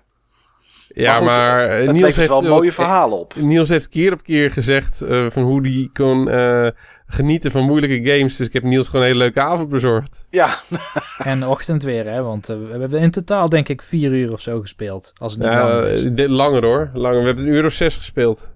nou, tijd vliegt als je nee zin hebt. We vonden Elke het minuut was de moeite waard. maar we willen het ook een keer met jou spelen, eh, Mike. Ja, dat gaan we, gaan, we, gaan we wel een keer regelen. Want kan je het met meerdere spelen of is het alleen voor twee? Nee, het is eh, tot vijf. Oh, dat is wel een mooi aantal. Dat is wel een mooi aantal. En dat was eigenlijk eh, ja, wat ik verder nog gespeeld heb. Oké. Ehm, ja, ik, ik heb ook van alles gespeeld. En dat heb ik eigenlijk het forum laten bepalen. Het, het leek mij eh, wel eens leuk om te kijken wat die mij aan zouden raden. Dus ik heb onlangs een topic aangemaakt. eh, geen Let's Play, maar eh, Let Mike Play. En ehm, daar heb ik een, een platform gekozen. Ik ben begonnen met NES. En heb ik tegen mensen gezegd, ja, roep maar een titel. Ik wist natuurlijk niet of mensen dat ook actief gingen doen. Uiteindelijk kwam ik op zeven of acht titels, waarvan één dubbel. Ehm, en die heb ik eh, op random.org heb ik, die, eh, heb ik dat lijstje neergezet. En heb ik op eh, generate gedrukt. Ja, en daar komt dan, een, er komt dan random een game uit. En dat is Bad Dudes geworden voor de NES. En die ben ik dus gaan spelen. Ik heb met je te doen. Hoezo? Bad Dudes vond ik persoonlijk niet echt een hele goede game. Nee, het heeft een leuk verhaal. Eh, het verhaal is: de president is gekidnapt door ninja's. Punt. Are you a bad enough dude to rescue the... Ja, de president. Ja, Ja, goed, ik, je, je houdt niet zo van verhalen, dus des te korter, des te leuker je het waarschijnlijk vindt, Niels. zeker weten. Ehm, ja, als je de game dan start, kan je het. Je kan het met twee mensen spelen. Nou, ik eh, kon niemand vinden bij mij op de bank die daar eh, interesse in had. En daar kan ik me wat bij voorstellen. Dus ehm, ja, toen heb ik eh, een van de twee dudes gekozen. Ben ik begonnen. En eh, voordat ik bij eh, de baas was van level 1, eh, stond er al continue op mijn scherm. En toen dacht ik van oké, dit is wel even heel wat anders weer dan, eh, dan The Witcher 3 of Doom of Hearthstone. Wat er vooral in het begin, wat me een beetje tegenstond, was dat het, het was een beetje alsof ik door een moeras aan het lopen was, zeg maar. Het, het, ja, ik weet niet, het voelde een beetje zwaar aan. Ehm, en, en, en doordat ik heel veel doodging in, in het eerste level, had ik ook na een half uur eigenlijk al totaal geen zin meer. En ik wist niet of de mensen die Bad Dudes opgooiden als, ehm, als suggestie, of die, dit, eh, of, of die dachten van, nou, dit is juist de bedoeling, of dat die mensen het een toffe game vonden, dat weet ik niet. Maar dit was om jou te trollen hoor. Oké, nou, ehm, dat is dan redelijk gelukt, maar ook redelijk niet. Want ik ben toch door gaan zetten. Ik ben eh, wel eventjes, want eh, ik gaf aan in het topic van je mag alles roepen. Want eh, ja, ik ga, het, ik ga het op emulator spelen. Want eh, ja, goed, ik heb misschien een 15 tot 20 NES games liggen. Eh, de kans dat, dat die daartussen zit is natuurlijk heel klein. En, ehm, en toen ben ik eventjes gaan kijken naar, naar wat, wat voor eh button combinaties er waren. Want ja, goed, SNES, eh, of NES bedoel ik, sorry. Ne- NES heeft natuurlijk alleen maar een A en een B. Maar eh, met naar beneden, ingedrukt houden, alle twee tegelijkertijd. En dat soort dingen zijn redelijk wat combo's te maken. En waar ik veel gebruik ben van gemaakt is dat bijna elk level is, eh, elke stage is opgebouwd uit een bovengedeelte en een ondergedeelte. En daar kan je tussen springen. En door een beetje, door een beetje te gaan kijken van oké, waar spannen de tegenstanders? En meestal zijn dat hele domme tegenstanders. Die rennen op jou af. En als jij naar beneden springt, dan springen ze ook naar beneden. Spring jij weer omhoog, springen ze niet meer mee. En rennen ze de kant op die ze initieel aan het oprennen waren. En als je dat een beetje in gedachten houdt, dan kan je eh, redelijk door de levels heen komen.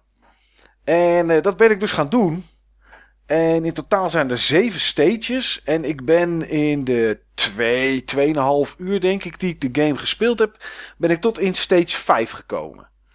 Ehm, niet, bij de, niet bij de baas van stage 5, dat niet. Maar ehm, eh, wel die van eh, stage, ja, stage 4 en, en 3 en, en 2 en 1, die heb ik allemaal wel gehaald. Ehm, ja, grafisch vond ik het er wel aardig uitzien voor, voor, een, voor een NES game. Er zaten wel één of twee eindbazen in die ik, eh, of stagebazen die ik heel erg makkelijk vond.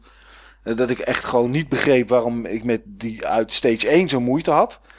Eh, ik had wel pijn aan het einde in, in mijn handen. Want je zit toch, uh, ja, het is een ander soort gameplay dan wat we natuurlijk tegenwoordig gewend zijn. En dat weten we natuurlijk allemaal wel. Maar ja, ik, de laatste tijd had ik eigenlijk niet zo heel veel retro meer in mijn handen. Dus vandaar dat ik ook dit, uh, dit, was, uh, dit idee was begonnen. En ja, het, het, het is niet een hele beste game. Maar ik heb me er toch nog redelijk mee vermaakt, moet ik zeggen. Dus ja, als, als mensen me echt wilden trollen, ja, sorry jongens, het is niet echt gelukt. Want het ik ga het niet nog een keer spelen of zo. Ik heb niet het idee van ik wil het uitspelen. Dat, dat heb ik niet. Maar ja, met die continues erbij, uh, uh, die heb je geloof ik drie continues en drie levens. je kan wat wapens oppakken. Ja, ik had meestal, lag er een enorm zwaard, zag je dan liggen. Ik denk zo, ik denk, nou, daar kan ik wel mee te voeten. Maar dat blijkt dan als je het in je handen hebt niet meer te zijn dan een aardappelschilmesje. Dus dat, dat begreep ik niet helemaal. Waarschijnlijk was het gewoon omdat de sprites niet langer konden of zo. Ik weet niet waarom dat precies, waarom dat precies was. En ehm, ja, onderweg lagen, dus liggen er hier en daar wat cola blikjes waar je wat helft mee terug kan halen. Maar als je A en B tegelijkertijd indoet, maakt die soort van, van spin kick, zeg maar. En daar kan je redelijk makkelijk en langs, uh, lang mee langs uh, tegenstanders komen. Dus op die manier uh, ja, viel het eigenlijk niet tegen, moet ik zeggen. Heb jij toevallig ook Russian Attack gespeeld? Nee, heb ik niet gespeeld. Want daar lijkt dit wel een beetje op. Qua me mechanic die je noemt. Dat je eigenlijk ook op dingen kan gaan staan. Dat je eigenlijk twee lagen hebt, zeg maar, in het spel. Ja, ja ik vond in het begin, ik ging, nee, ik ging echt super hard kapot. En ik denk van ja, weet je, dat kan toch niet. Stage 1, dat ik zo hard al, al, al klappen krijg. En toen dacht ik van oké, daar komen van links en rechts kwamen er dan twee ninja's aan. Gewoon de basis blauwe ninja's, zeg maar. Ja, dan sprong ik naar beneden. Sprongen hun ook naar beneden. Sprong ik weer omhoog. Sprongen ze niet mee. En liepen ze aan alle twee de kanten het veld uit. Ik denk, nou ja, goed, weet je, ik ga niet voor de high score. Dus ik vind het niet erg als ik ze niet kapot ram. En uh, ja, en zo, zo kan je best een heel eind komen. Dus uh, het zal vast geen nieuwe strategie zijn. Maar uh, ja, na een keer of drie, vier dacht ik van... dit is volgens mij wel een goede manier om een beetje door die game heen te komen. Ja. Dus nou ja, in ieder geval over de helft. En ja, best, best aardig. Nou, goed, goed gedaan. Ja. Ik heb deze game ooit een keer voor mijn verjaardag gekregen. Oké. Okay. Was je teleurgesteld toen of vond je het toen toch wel tof? Ik was er achteraf niet zo blij mee hij, viel erg, uh, hij viel erg tegen toen. En ik was toen zeg maar met uh, mijn beste gamemaat samen van die tijd. Ja. We vonden het echt, we vonden het echt een spel. Ja. Dus ik had hem gevraagd omdat um, ik heel erg fan was van Double Dragon. Nou, het is geen Double Dragon.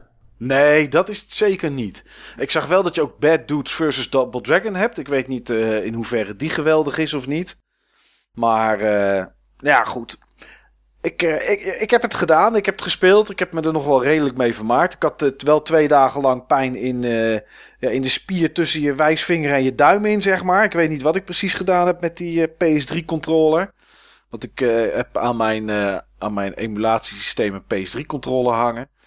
Maar ja, volgende podcast heb ik weer een, een, game uit dat lijstje Je gaat nog steeds weer een NES-spel doen uit dat lijstje. Ja, wat ik, ik, ik, had niet het. Ik dacht van, nou, weet je, hoeveel mensen zullen met suggesties komen? Ik denk misschien twee of drie. Ik denk, dan kies ik daar één game uit. En dan pak ik voor de volgende keer pak ik een SNES. Ja. Ik denk, dan ga ik zo een beetje allerlei systemen langs. Maar ja, er stonden iets van zeven of acht uh, titels werden genoemd. Toen dacht ik, nou, weet je. Eh, waarschijnlijk nemen we dit jaar misschien nog een podcast of drie op zo. Misschien denk ik, drie. Uh, laat ik gewoon de NES aanhouden. En dan uh, volgend jaar dan begin ik gewoon met SNES of met de Mega Drive. Of, uh, of ja, wat dan ook. Pak ik gewoon een ander systeem. En dan mogen mensen titels opperen.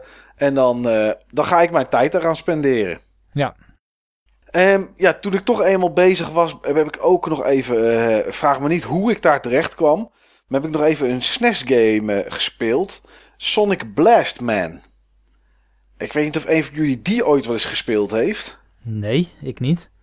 Steve, jij toevallig? Nee. Die heb je dan ook natuurlijk geëmuleerd. Ja, heb ik geëmuleerd. Uh, er was ook een deel 2 van. Denk, nou, dan kan het vast niet slecht zijn. Uh, ook dit is een, uh, een, een beat-em-up. Gewoon sidescrolling en, en gaan. Je bent een soort alien soldaat. Nee, een robot soldaat ben je. Wat je er precies komt doen, weet ik eigenlijk niet. Want daar heb ik eigenlijk doorheen geskipt. Wil je weten waar de franchise vandaan komt, ehm, Nou, eh, Mike? Ja, ik, ik, ik, toen Sonic, voordat... Bla- Sonic Blastman is oorspronkelijk een punching game in de arcade. Oh, oké. Nou, ik startte het op en ik dacht Sonic Blastman. Ik denk, nou, dit, misschien is het een, eh, misschien is het een Bomberman rip-off, dacht ik. Vond het eh, niet zo heel slecht bedacht van mezelf. Ehm, Absoluut niet. maar goed, wat een beroerde game is dat, zeg. Mijn hemel. Dit is die beat-em-up waar je het net over had. Precies, dit is die, ja, dit is die. Het, het, het eerste level heb ik gespeeld tot aan de eindbaas van dat level. En dat duurde echt zo verschrikkelijk lang. Niet normaal. Wat een verschrikkelijk lange levels met enorm irritante muziek. En continu maar dezelfde tegenstanders. Echt heel, heel slecht. Ik, ik kan sowieso slecht tegen games die heel panisch mij dwingen om door te lopen. Dus op het moment dat je de laatste klap geeft aan de tegenstander, dan staat er go en een pijltje en dat knippert dan. En dan hoor je pling, pling, pling, pling, pling. Zo'n zo'n soort geluidje hoor je van, hé, hey, doorlopen, doorlopen. Nou, dat is al rete irritant. De muziek, die, die paste er echt totaal niet bij. Er zat geen spanning in, niks. Leek een beetje op een tune van Ad Visser. Een beetje eh, dat soort achtige eh, muziek, zeg maar. En, en heel herhalend ook. Nou, wat een, wat een beroerde titel zeg. Ik weet niet of er mensen zijn die het tof vinden. Eh, Graag even melden. Maar ik, eh, wat ben ik, Ik heel... denk wel dat ik hem zou willen hebben. Waarom? Maar alleen CIB. Omdat, ik, omdat de cover een beetje mooi is. Uh, die is duur hoor. Oh, Hè, is die duur, hè? Hij is alleen in Spanje uitgekomen en de boxart is erg cool. Ja, de boxart is alles wat gaaf is aan videogames. Nou, ik ga nu kijken. Sonic Blastman. Ik snap wel waarom die alleen daaruit is gekomen. En, en niet de rest van de wereld. Maar hij is wel in Europa, hij is wel in Japan en Amerika uitgekomen. Maar in PAL is hij alleen in Spanje uitgekomen. Oh, ik zie inderdaad, ja. Ja, En dit de- is wel een de toffe art. Cover, de PAL cover art is volgens mij gelijk aan de Japanse cover art en die is tof. Ja, de arcade hit staat erbij. Nou, nou. Ik had toch echt mijn geld teruggevraagd, Eh. hè, als ik daar vroeger een gulden in had gegooid. Ja, maar laat ik zo die arcade hit, dan zou je heel hard op je Super Nintendo moeten slaan. Misschien, Oh ja, dat, je dat, misschien dat je dat wilt nou, na- dat je, nadat je hem hebt gespeeld. Dat het daarom, dat het daarom bedoeld is. Maar eh, het heeft toch weinig met die arcade eh, hit te maken. Maar ja, moet, moet je gewoon eens kijken. Je hebt een kerel met bokshandschoenen en een zonnebril en een soort helm op met twee antennes. Ja, En daar race een vrachtwagen onder. En er zit ook een soort komeet of maan of zo. ja, er staat een kinderwagen voor die, eh, voor, die, voor die vrachtwagen. En daarnaast sta- staat een vrouw die staat te gillen van... Oh nee! Zo hysterisch. Ja, zoals vrouwen Ja. dat kunnen. Kijk eens naar die details, joh. Die vrouw rechts onderin. Met die roze jurk. Ja, ja, die een beetje bend over staat, zeg ja, maar. het BH-bandje zit los. Ja, ja, dit eh, is een goede cover. Ja, en dan een soort eh, young one die uit zijn dak gaat, zeg maar. Maar die net, dat, da- daar lijkt het op, maar hij heeft een klap gehad van de Sonic Blast Man. Blijkbaar. En dat dan alles met een soort van gigantische metropolis cityscape op de achtergrond. Ja. En, En eh, een rode lucht. en een rode lucht inderdaad, waar een bliksem uitkomt, hè. Ja, dit is eh, Sonic Blast Man. Het is een geweldige titel. Allemaal kopen. Nee, Ja. ik, vond het, ik vond het, vond het niet, zo, niet zo heel erg tof. Eh, laatste game waar ik nog heel klein iets over kwijt wil, is eh, Super Mario World. En ehm, ja, ik heb het, we hebben het al eens eerder over gehad. Er is zo'n initiatief van, eh, op het Buttonbashers van gebruiker Niets. Ehm, dat, is zijn, dat is zijn gebruikersnaam. En die doet elke maand of twee maanden. Ik, volgens mij is het elke maand. Want dit was nummer 7 en we, we zijn net augustus ingegaan. Ehm, een, titel. En ja, iedereen die de titel heeft, of op welke manier ook kan spelen, die, eh, die speelt dat op het forum en die deelt dan zijn of haar bevindingen. En deze maand was het, eh, of is het, Super Mario World. En dat heb ik ooit wel eens een heel klein beetje zo eh, een keer een leveltje gespeeld, maar nooit echt heel, heel echt, echt gespeeld. Dus ehm leuke Mario om te spelen. Ik ben nog niet weggeblazen, maar ik heb alleen World 1 tot nu toe uitgespeeld. En ik ben, terwijl ik startte, naar links gelopen. Eerst omhoog, waar je een of ander blokje activeert... die dan andere blokjes in, in de andere levels activeert. Het gele schakelpaleis. Precies, die inderdaad, ja. De Yellow Switch eh, ding. daar ben, ik, eh, daar ben ik naartoe geweest. Ja, en ik heb World 1 uitgespeeld. En eh, ja, ga ik nog wel verder spelen. Heel veel mensen die, die... Ja, ik weet niet of dat het nostalgisch is... of dat ze nog steeds weggeblazen zouden worden... als ze het nu voor het eerst spelen. Maar heel veel mensen vinden het de geweldigste 2D Mario die er is. Of soms de geweldigste Mario die er is. Zelfs las ik op het forum ook. Ja, dat is natuurlijk voor iedereen anders. en ja, ik denk dat dat bij heel veel mensen komt omdat, um, omdat er mechanics in zaten die je voorheen natuurlijk nog nooit erin, uh, nog nooit in Mario games had gezien. Zoals dat klimmen op, de, op die rekken bijvoorbeeld en dat je kan slaan en dat je kan omdraaien als je op zo'n uh, op zo'n zo'n paneel, uh, paneel slaat. Yoshi zat er natuurlijk in. die cape die zat er natuurlijk in. Uh, je kan rennen en tegen muren op kan rennen. Of tegen pijpen in dit geval vaak. Uh, kan vliegen en dat soort dingen. Dus ik denk dat als je dat in die tijd speelde, dat dat wel echt heel, uh, heel veel indruk maakte. Uh, ja, nu doet dat het natuurlijk niet meer. Want ja, Super Mario Maker zit alles. En in de laatste Mario's hebben we natuurlijk ook al heel veel van dat soort dingen teruggezien. Maar ja, ik, vind, ik moet zeggen dat het wel even wennen is nog als je de laatste Mario's hebt gespeeld. Zeker als je 3D World hebt gespeeld. Dan, dan is het wel even wennen weer. Want het, het is toch met hè, het is toch weer met patronen en, en, en ja, het is best wel pittig, moet ik zeggen. Zeker World 2, daar heb ik een stukje van zitten spelen. En dan merkte ik toch echt wel een, eh, een behoorlijke verhoging van het, uh, van het, van het niveau qua, qua moeilijkheid. Uh, dus ik ben, ik ben benieuwd wat me daar nog voor de rest te wachten staat. Ja, maar, dat is grappig dat je dat zegt. Ik wilde net gaan vragen, wat vond je van de moeilijkheid? Ja. Want ik vind Super Mario World de makkelijkste Mario die gemaakt is. Oké. Maar jij vond hem dus best pittig. Nou, het, het, het, verschil van World 1 naar World 2 vond ik, uh, vond ik best, wel, best wel pittig. En uh, ja, goed, ik heb, daar, ik heb daar heel even zitten spelen. En, uh, en toen, toen ben ik gestopt. Toen ben ik Sonic Blastman gaan spelen. Ja, dan wil je natuurlijk nooit meer Mario spelen. Maar, ik, maar ja, ik vond het best wel, best wel naar, naar, naar wat pittiger gaan, zeg maar. Of ik het echt moeilijk vind met, met straks met, dat ik het niet kan uitspelen of wat dan ook, weet ik niet. Daar moet ik, daar moet ik nog verder uh, voor gaan spelen. Maar uh, ja, goed. Het was wel leuk om weer eens eventjes wat uh, retro te spelen. Zij het vrijwillig dan wel verplicht in dit, in dit geval van Bad Dudes. En ja, goed, ga eens kijken wat er voor de rest nog, voor de rest nog uitkomt de komende maanden aan, aan retro titels. Toevallig had ik vandaag ook Super Mario World nog zitten spelen, vanwege dat topic. Oké, was je gewoon vanaf het begin begonnen of had je nog een save file? Um, ik had nog een save file, maar ik ben opnieuw begonnen. En mensen die Super Mario World in die tijd hebben gespeeld, die zullen vast nog wel weten dat je meerdere exits had bij sommige levels.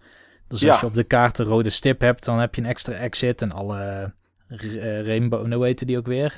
Uh, Star Road levels hebben ook twee exits. En de Ghost Houses hebben twee exits. Oké, ja, dat zag ik wel. Kastelen, maar... Dat zag ik staan inderdaad, ja. Bij zo van die informatieblokjes, zeg maar. Ja. En uh, al die exits zorgen ervoor dat je volgens mij nog een soort laatste wereld weer unlockt. Oké. Okay. Of dat het herfst werd, dat weet, weet, ik niet meer. Maar ik heb het ook zitten spelen en ik vind het nog steeds echt een magische game. Oké, en wat is, wat is voor jou het magische eraan dan? Ja, ik heb dat uiteindelijk teruggebracht tot drie elementen die voor mezelf in ieder geval dat magische bepalen. Eén element is de leerervaringen in het spel. Ja. Het spel leidt jou echt op in Super Mario. En dat is echt grappig uh, hoe ze dat doen. Ook de nieuwe elementen, bijvoorbeeld level 1, Yoshi's Island 1, die start met een beestje wat van een helling afglijdt. En die glijdt op je af. Een ja. beetje op dezelfde manier als dat je Super Mario Bros. 1 eerst die eerste Goomba had waar je overheen moest. Mm Heb je nu dus zo'n beestje wat met een soort momentum op je afkomt. Uh, een ander ding is de verrassingen. Het spel zit chockvol aan verrassingen en dat werkt nog steeds, ook al ken je ze al, omdat ze zo bijzonder zijn.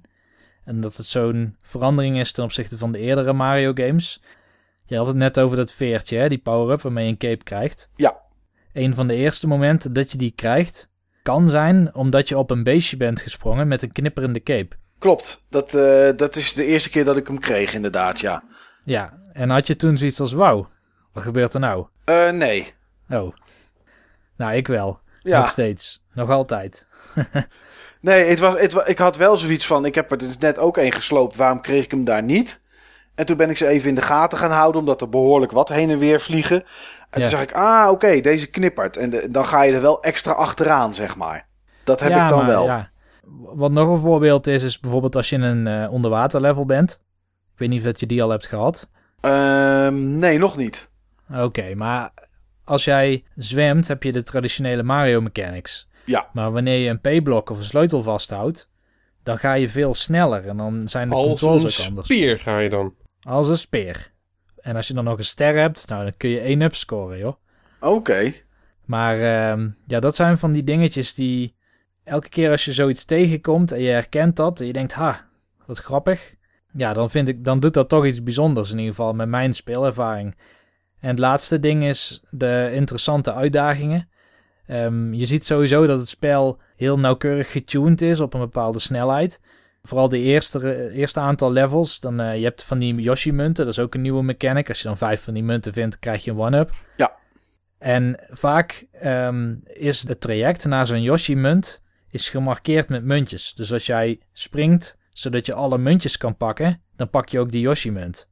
En dat kan alle, bijna altijd op volle snelheid. Oké. En eh, soms moet je een beestje bijvoorbeeld niet afmaken. Want als je die af zou maken, dan kun je vervolgens weer niet een Yoshi-munt pakken. Ja, omdat je er niet naartoe kan springen, bijvoorbeeld. Want precies daarom. Dus soms dan heeft het spel van die momenten dat je je niet op de standaard manier moet gaan spelen. Maar dat je een soort creatieve manier moet gaan zoeken om die uitdaging te overkomen. Ja. Nou, ik, vind het wel leuk. Het, het- dat, eh, ja, goed, heel veel, wat ik zei, heel veel van die mechanics ken ik ken je natuurlijk inmiddels wel.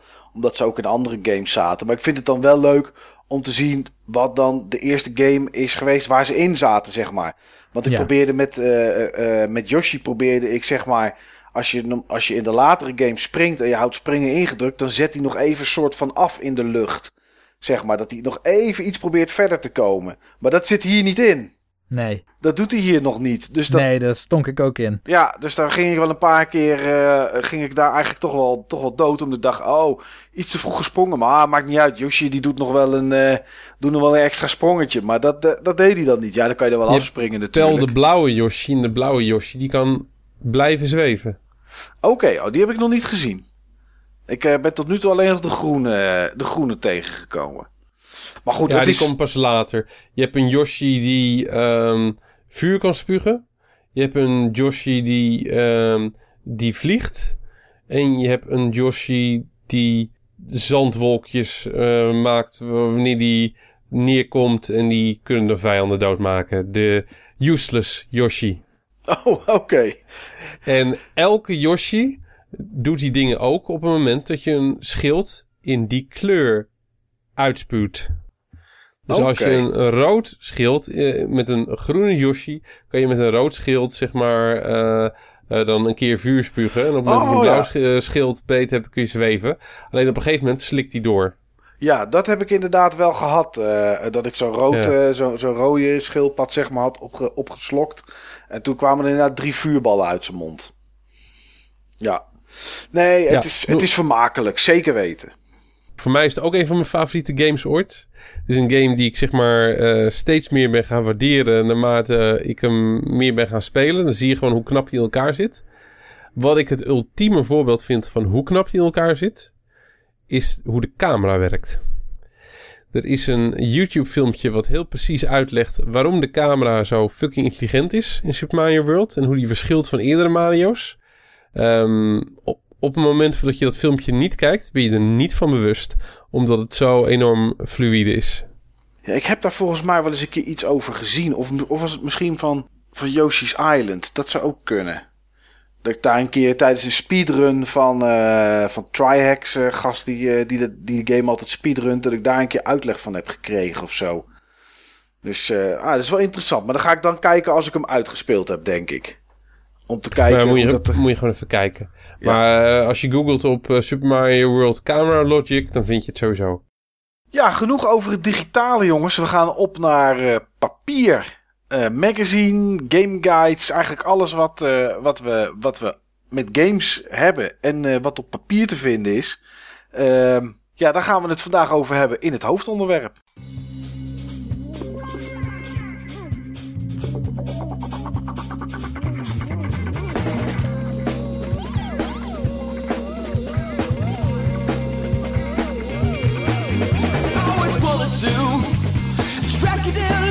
Truth coming straight from you.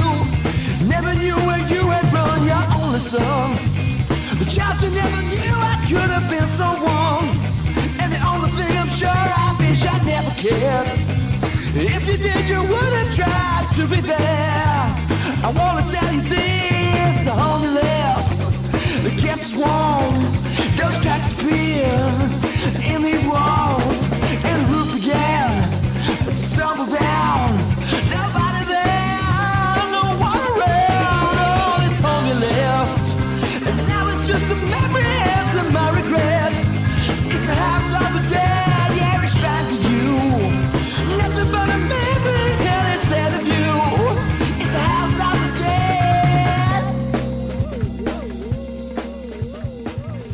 Ja, jongens, magazines. Game magazines. Eh, guides. Misschien eh, andere vormen van papier waarop je, eh, waarop je aan je informatie kwam vroeger. Wat tegenwoordig het internet is, was eigenlijk vroeger voor ons een magazine, toch, Steve? Absoluut. Ja, Met, met een extra stukje magie. jazeker. Al was het alleen maar vanwege de geur. Ook. En eh, voor mij was het ook gewoon de anticipatie. Oké. Je wist wel, je- dan loop ik voor, eh, voorop op een aantal dingen die ik ongetwijfeld nog heel vaak in dit eh, topic ga zeggen.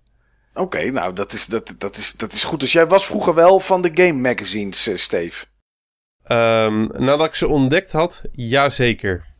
Ehm gay magazines, eh, niet te verwarren met gay magazines. Nee, nee, zeker niet. Het is ook een Nee. gaming podcast. Ja, klopt. Die, die stonden voor mij eh, in eerste instantie synoniem met één ding. Oké. Club Nintendo. Oh. Club Nintendo Magazine. Eh, Dat was voor mij het enige game magazine wat er bestond. En wat er toe deed. Of wat er echt alleen bestond. Nou, wat er bestond. Oké, jij kende geen andere gaming magazines uit die tijd. Ik, toen. ik kende geen andere gaming magazines. Er was alleen Club Nintendo. En, eh, en de gratis boekjes uit de speelgoedwinkel. ja, meer, precies. meer, was, meer was er gewoon niet. Ik kan me ook niet herinneren dat er meer was. Tenminste, niet voor consoles. Ah, dat was, het was er wel hoor. Ja? Ja, het was er volop. Alleen ik wist het gewoon niet. Nee, ja, ik ook niet. En, en hoe kwamen jullie dan in aanraking met die Club Nintendo? Ha- Hadden jullie een abonnement, Niels? Of, of kocht je dat? Of kreeg je er af en toe... eh, kreeg je er eens één? Zat er met de Sinterklaas één in je schoen? Nou, volgens mij was het zo dat je bij sommige handleidingen een advertentie kreeg voor het magazine. En ik heb inderdaad een jaar, denk ik, Club Nintendo gehad. Dus ik was er vrij laat bij. Daarna veranderde het overigens in Club Nintendo Extra. Ehm, maar dat kwam volgens mij eh, acht keer per jaar uit. Zes keer per jaar. Zes keer. Oké, ja, Club, Club Nintendo Extra, daar wil ik eventjes niks over zeggen. Maar ehm, Club Nintendo kwam zes keer per jaar. Ja. Oké, elke twee maanden dus. Elke twee maanden. En eh, soms zat er, wel eens la- zat er wel eens langer tussen. En, dan- eh, en oh, dat brak mijn hart. Maar dan was het daarna ook feest. Dan had je er daarna- sneller eentje op de mat daarna. Ehm, meestal wel, niet altijd. Oké. Want eh, Club Nintendo Magazine had nou niet bepaald de, eh, de hoogste productiewaarde. Nee. Oh, Eh, Club Nintendo Magazine was eigenlijk een beetje gewoon het, ehm, het eh, Nintendo eh, Nederlands suffertje. oh dat, nou, dat klinkt goed. Had jij er dan wel een abonnement op? eh, ja, ja, je had er wel een abonnement dan op, Steve, als ik dat Ja, begrijp. eh, tuurlijk had ik een abonnement erop, want eh, het was heel laagdrempelig, want het was namelijk gratis. Oh, dat wist Ja. ik niet. Ja, en het enige wat je hoefde te doen was, ehm, de, was de promotiekaart eh, invullen. Die je volgens mij zelfs nog kosteloos op kon sturen ook. Naar een antwoordnummer. In Nieuwegein. ja, Van de- En, eh, waar ze nog steeds zitten, Nintendo. Waar ze nog steeds zitten, inderdaad, ja. En eh, ja, eh, een paar weken of maanden later, dan kreeg je dan zeg maar je eerste Club Nintendo. En ehm, in mijn geval was dat uit mijn hoofd ehm, deel 1 of issue 1 van, van volume 2. Zo noemden ze het, of jaargang 2. Ja, En eh, ja, dat was dan zeg maar. ehm, eh, die met Cobra Triangle op de, eh, op de cover. Oké. En, en ja, ik heb het blad nooit gehad. Ik heb ze daarna natuurlijk wel eens gezien. Maar was dat, was dat, was dat, stond het vol met release dates en, en, en, en, en, en nieuws of zo? Of wat stond daar in? Want iets wat gratis is, daar, daar zou je bijna denken, daar zit een catch aan. Eh, in principe waren dat eh, previews en reviews. En die reviews waren eigenlijk gewoon niks anders dan uitgebreide previews. En die previews waren niks anders dan sneak previews. Oké, want als het van Nintendo zelf afkomt, eh, een game op hun eigen platform, dan zal er nooit gestaan hebben: dit is een slechte game, koop het niet. Eh, nee, dat was inderdaad eh, niet het geval. Nee. Het was gewoon, eh, in feite was het gewoon hun, hun promoboekje. Je had ook een lezersrubriek, toch? Met van die gamers die dan... Beste Mario. Ehm, ik kreeg voor mijn verjaardag het spelletje Goof Troop. Nee, dat was toen nog niet uit. Eh, het spelletje Popeye, ik noem maar wat. Volgens mij schreven ze toen nog echt Mario aan. En werd het ook vanuit Mario weer teruggeschreven door de rubriek. Net zoals de Donald ja, Duck. ja, Ja, zo, eh, zo gebeurde dat. En- maar en- zo, zo rolden we in die tijd, jongen. Maar dat was, dat was dan voor jarenlang jullie, jullie aanknopingspunt wat, wat games betreft dan, zeg maar. ja voor mij wel. Club Nintendo en Club Nintendo Extra. Ja, even, even wachten. Ik, ehm, ik stuur je er eventjes eentje, eh, Mike, om je een gevoel eh, erbij te geven. Oké. Dit is een eh, complete editie. Digitaal. Dus het enige wat je dan mist is de geur van papier. Ja, maar die kan Maar ik me er wel was- bij... Dit, was mijn, e- dit was letterlijk mijn eerste kennismaking met het principe game magazines. Oké, nou ik zie hier voor me, ik zal hem even beschrijven. We zullen de link wel erbij plaatsen. Ik zie hier, ja, Mario met eh, een paddenstoel in zijn handen, zowel links als rechts. Lekker makkelijk, gewoon spiegelen, hoef je er niet zoveel aan te doen. Cobra Triangle eh, voorop. En dan ga snel naar ons opvallende overzicht. Eh, tips en tricks stonden er dus in. Ontdek meer geheimen in The Legend of Zelda. Hoogtepunten. De sequel waar we allemaal op hebben gewacht. En drie pagina's van onze favoriete, van onze nieuwe sporten in Track and Field 2. Ja, 1990 zie ik. Ja, en dan had je zeg maar die eerste pagina ehm, in, de, eh, zeg maar in het magazine zelf. Ja, En dan had je zeg maar een grote, eh, ja, een grote checklist van games die op dat moment uit waren. Die verdeelden ze toen nog zeg maar in, eh, in verschillende series. Ja. De, ehm, de arcade series en adventure series en allemaal van dat soort zaken. De, de arcade series, daar moest ik in eerste instantie niks van hebben. Eh, dat was voor mij een soort van dekwalificatie. Eh, want ik, ik dacht altijd dat het spellen waren met drie schermen. Omdat zeg, ja, dat was spel en eindscore. om- omdat ik had eerst Popeye en dat, die stond er zeg maar ook in. En ik kende ook eh, het principe van Donkey Kong. Dus ik dacht van, joh, verdomme joh, al die spellen die hebben maar drie schermen. Die moet ik niet hebben. nee. Ja, en Castlevania stond er bijvoorbeeld ook bij. En Castlevania, die had toch al iets meer dan drie schermen. Ja, precies. Ja, daar kwam ik dan later dan nog wel achter. Niet dankzij Club Nintendo. Maar dit was een soort van checklist van, oh, die moet ik hebben. Die moet ik hebben. ja, Ja, ik zie En, ook eh, eh, op het voorbeeld wat je stuurt, zie ik ook kruisjes staan ook van iemand. Ja, ik had ze ook staan hoor. Oké. Ja, ik was eh, elke keer als ik weer een kruisje kon zetten, was ik als een kind zo blij. Ik was ook een kind. Ja. Ik was er, ja. Dus eh, ja, en dan, eh, dan begint zo'n magazine natuurlijk met de brief van Super Mario. ja, ik zie het ja. Mario is ook de president ook van dit blad. Super. Mario. Ja. En eh, redacteur Mark Smith. Dus waarschijnlijk was het zo, zeg maar gewoon een internationale uitgave die dan werd gelokaliseerd. Ja. Wat ik zie druk, zie ik ook zeg maar wat dingen uit Groot-Brittannië staan. Ja. En, en redactie, oh het was Breukelen. Niet Nieuwegein, maar Breukelen. Oh ja. Club Nintendo in Breukel op dat moment. Met daaronder nog het nummer van de Club Nintendo hulplijn, waarschijnlijk. Ja, dat zal ze ongetwijfeld zal dat die zijn, inderdaad, ja. Ja, en kijk, daar heb je dan zo'n prachtige preview van een spel waar ik ook daadwerkelijk eh, ben ingetrapt dankzij die preview. Metal Gear. Metal Gear. Ja. En met, met eh, slecht overgetrokken plaatjes uit de handleidingen. Ja, dit is... eh, En dit is echt gewoon slecht overgetrokken plaatjes uit de handleidingen. maar als en ik dan naar beneden, uitvergroot. naar beneden Maar check die hond, check die, dat, check die afbeelden voor die hond, joh. Dat lijkt een hond op steroïden, man. Eh, dat lijkt, ik weet niet. Ja, maar kijk daarboven ook.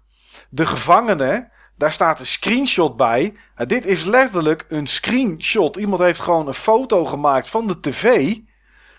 En dat Je staat. ziet de kromming ook, hè? Ja, je ziet de kromming. Van de en- beeldbuis. Ja, en je ziet dat bovenaan is het donker.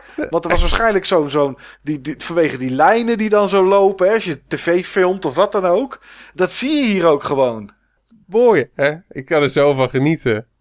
Wat slecht zeg. Ja, we gaan dan gewoon door naar Track and Field 2. Ja.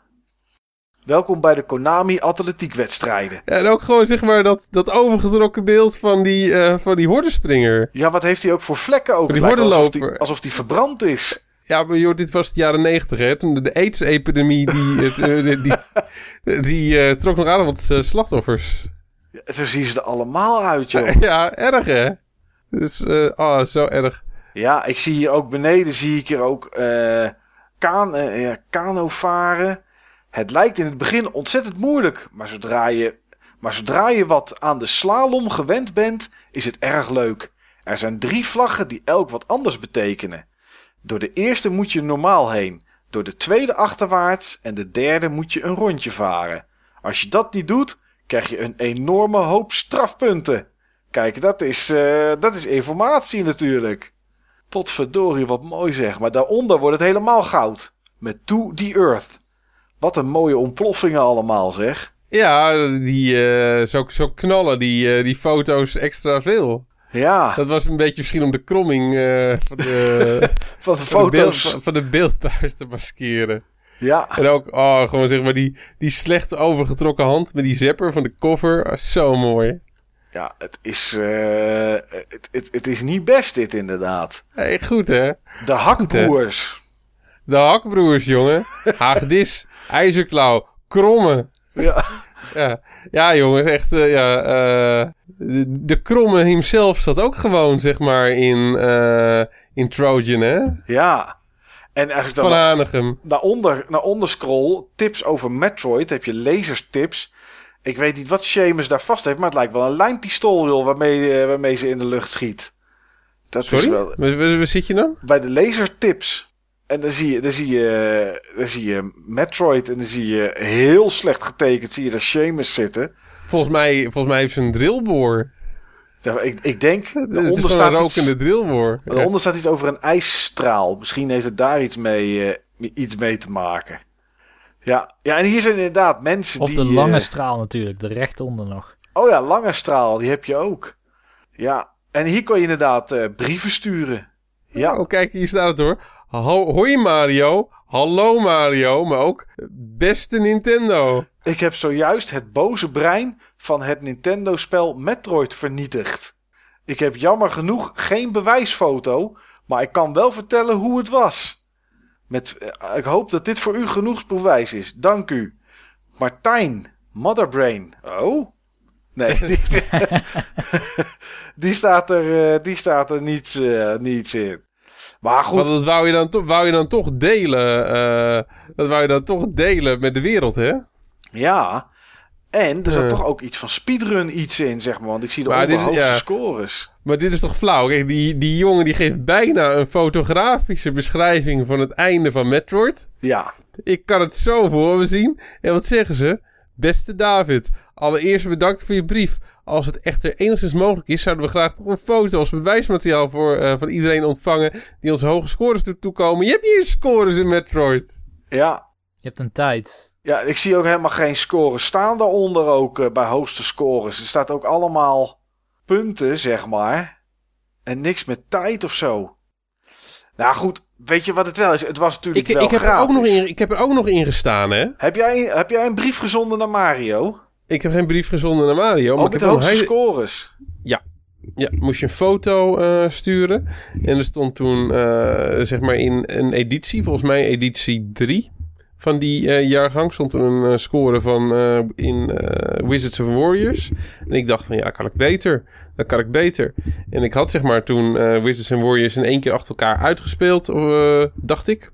Ik had die score echt verpulverd. Niet dood gegaan. Ik had er echt, eh, ik had echt voor gevochten. Ik had hem echt verpulverd. Dus ik eh, trots een foto maken. Super spannend. eh, want de foto moest natuurlijk goed ontwikkeld worden. Ja, dat had je nog in die tijd. Ja.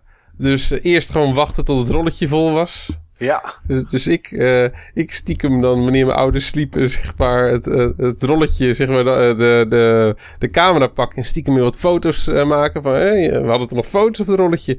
Nou, we hadden ons toch vergist. En, eh ja, Van iets donkers waarschijnlijk, want als de Ja. foto's mislukt waren, hoefde je ze niet te nemen. en, eh of van He-Man figuren. Waarschijnlijk gewoon van He-Man figuren die ik in actie poses geposeerd had. de zelfkennende. Weet ik vrij zeker. En ehm, ja, vervolgens stond hij er. Hij stond er hoor. In eh, editie 4 of in editie 5. Ik denk 5. En had er iemand verdomme nog hogere scoren. Dat is wel naar. Was ik gewoon second best. Zuur. Het zijn wel slechte tekeningen. Ik scroll even naar beneden naar pagina 19. Daar staat een meisje die speelt goed, in Lee Travoy's Fighting Golf. Het en is het is, gewoon- net, het is net of ze een volgescheten luier aan heeft, joh. het ziet er Zo echt mooi. heel slecht uit.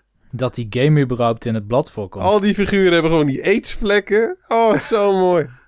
Het is, het is heel slecht. Het is heel slecht. Maar één ding wel, jongens. Het was wel gratis dus. Het was gratis. Het was gratis. En eh, joh, eh, wat, wat dit deed, dit bouwde gewoon anticipatie op. Had je aan het eind van, van het magazine, had je zeg maar na al die previews, had je de sneak previews, de korte overzichten, Ja. die Adventure of Link. En ik had zoiets van, wauw, wauw, dit is, dit is cool, dit is episch. Deze moet ik hebben. Ja. En, ehm en Rygar, Rygar zag er ook zo cool uit. En echt zeg maar vele edities later, volgens mij in het geval van Rygar, eh, denk ik, eh, ja, eh, Club Nintendo Magazine vier of vijf of, of zo van die jaargang. Dan kwam die er pas vol in en dan was die ook gewoon echt uit. Want soms hadden ze gewoon de release datum niet goed of, of was de release datum gebaseerd op een internationale release datum en duurde het gewoon in Nederland nog veel langer voordat die uitkwam. Ja. Ja, want- en daar moest je daar gewoon maar mee doen. Ja. Ja, ik heb op deze manier heb ik ook voor het eerst ook de Game Boy eh, gezien. En die stond in de Club Nintendo. Ja, Zo van, Ja. dit komt eraan. ja, en ik had echt zoiets van wauw, wauw. Echt gewoon eh, episch. Oh, dan kan ik overal spelen. Mama, mama, dan kan ik overal spelen. Ja. En eh, mama dacht, oh, dan kan hij ook spelen in de auto. Oh, zo, dat is lekker rustig. Dus mama had daar wel oren naar. Ik zie trouwens hier ook zo'n advertentie. Hoi Mario, willen de Nintendo-gebruikers in Aalst en omgeving contact met mij opnemen voor het uitwisselen van spellen? Dus dat ging ook, eh, dat ging ook via dit blad. Simone van den Bon uit Aalst, België. Alles kon. Je had Ja. ook soms moppen. Zelf verzonnen moppen. Ik zal er zo eentje voorlezen. Uit een Club Nintendo Extra blad. Oké. Maar hoe lang is dit dan voor jullie je bron geweest, zeg maar, jongens? Ehm, ik denk in eh, een jaar of twee, tweeënhalf. Voor mij was het tot 1994. Oké. En, en, en wat werd het daarna dan, Steve? Ehm, Andere bladen. Ja. Ehm, op een gegeven moment was een.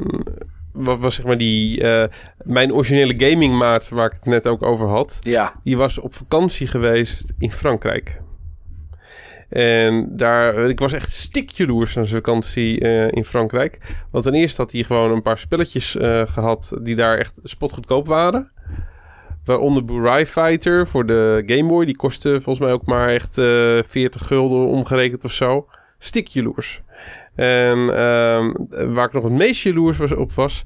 Hij had een Frans ehm, eh, gamingblad gekregen. Ja. En ehm, daar stonden veel meer dingen in dan alleen eh, Nintendo. Hele andere systemen waar ik nog nooit van had eh, gehoord. En eh, ja, we spraken allebei natuurlijk geen, geen Frans, laat staan dat we het konden lezen. En ja, zijn, vader had dan wel dingen voor hem vertaald. Dus voor sommige dingen wist hij gewoon wat er, wat er stond. Of had hij dan zeg maar heel met heel basic kennis van, van camping Frans... kon hij dan af en toe een keer een woordje uitpikken. Maar zo heb ik voor het eerst de Super Famicom gezien. Oké. En dus, eh, eh, en Super Mario World. Jouw Super Mario World, Mike. Ja, wat verdorie, dat Ja. is wel mooi. En dat was natuurlijk geen Super Mario World, maar was Super Mario Bros. 4. Ja, Oh ja. ja. Erik, Super Mario Bros. 4? We hebben nog niet eens Super Mario Bros. 3, dacht ik. dus toen, toen dat, liep, dat blad was helemaal futuristisch dan. Wat, Dat was echt eh, gewoon futuristisch, alsof het gewoon eh, Back to the Future was. Ja. En wat veranderde voor jou dan, Niels, dat, dat Club Nintendo of Club Nintendo Extra niet meer je bron van eh, informatie was? Ik had bij een neef had ik een eh, nieuw blad ontdekt. Dat was Power Unlimited. En de, echt de eerste uitgave daarvan. Met die Starwing cover. Ja, En die liet mij dus ook kennis maken met eh, de Mega Drive, Master System. Game Boy kende ik natuurlijk wel. Dus met de Nintendo systemen was ik redelijk bekend mee. Maar alle andere systemen kende ik of van de McDonald's, want er stond dan ooit een Mega Drive met Sonic. Of gewoon echt niet 3DO, Neo Geo, nee. Atari. Oké. Ja, nou ja, bij mij was het ongeveer wel hetzelfde, jongens. Magazines waren natuurlijk voor mij ook eh, de bron van informatie. En natuurlijk wat vriendjes op school en zo hadden gezien. Maar eh, ja, voor mij waren er net iets meer magazines, denk ik. In de, voor de Commodore 64 en, eh, en voor de Amiga. Althans, die ik in ieder geval kende.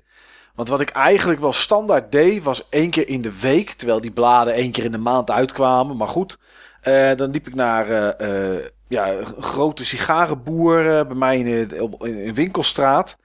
En ik, ik denk dat ik per keer wel iets van een half uur, drie kwartier in de winkel stond om ze allemaal te lezen. Wat meer neerkwam op plaatjes kijken natuurlijk. En eventueel kijken wanneer iets uitkwam. En, en namen onthouden. En, en dan legde ik ze weer netjes terug. En dan, en dan ging ik de winkel weer uit. En die week erop op zaterdag, dan kwam ik daar weer terug. En dan keek ik naar welke ik al gezien had. En eh, ja, zo, eh, zo kwam ik aan mijn informatie en aan mijn eh, magazine gebruik. Heb jij nooit een abonnement gehad? Nooit. Ik was een verschrikkelijke lurker wat dat betreft. Nee, als je ook die bladen keek, die waren ook... Kijk, de Club Nintendo was natuurlijk gratis. En ik weet niet wat de Power Unlimited toen kostte. Misschien een eh, paar gulden. Die, is Maar- een stuk, die is een stuk later, de Power Unlimited. Oké. Maar- Daar zijn we nog lang niet, wat, eh, als het aan mij ligt. Nee, nou ja, goed. Wat, eh, ik weet niet hè, wat, wat dat zeg maar dan op een gegeven moment kostte. Maar die, die, die Amiga en Commodore 64 eh, eh, magazines. Ja, die waren, gingen toch al gauw richting een tientje of zo, denk ik. Dat die eh 10, 11 gulden. Want die kwa- werden geïmporteerd. was meestal Engeland. Waar dat, eh, waar dat vandaan kwam. En ehm, ja, dan was dat toch al gelijk een stuk duurder. En voor iemand van een jaar of 10, 11. Om dan eh 4, 5 eh, bladen van 10, 10, 11, 12 gulden te kopen. Elke keer. Ja, dat was gewoon dat was veel te duur. Dus ik, ik, ja, ik, ik las ze daar gewoon. En eh, ja, de informatie sloeg ik op. En dan fietste ik weer naar huis. En dat is zeg maar. eh, dat is hoe ik ooit. eh, ja, wat mijn magazine consumptie was. Dus dat is.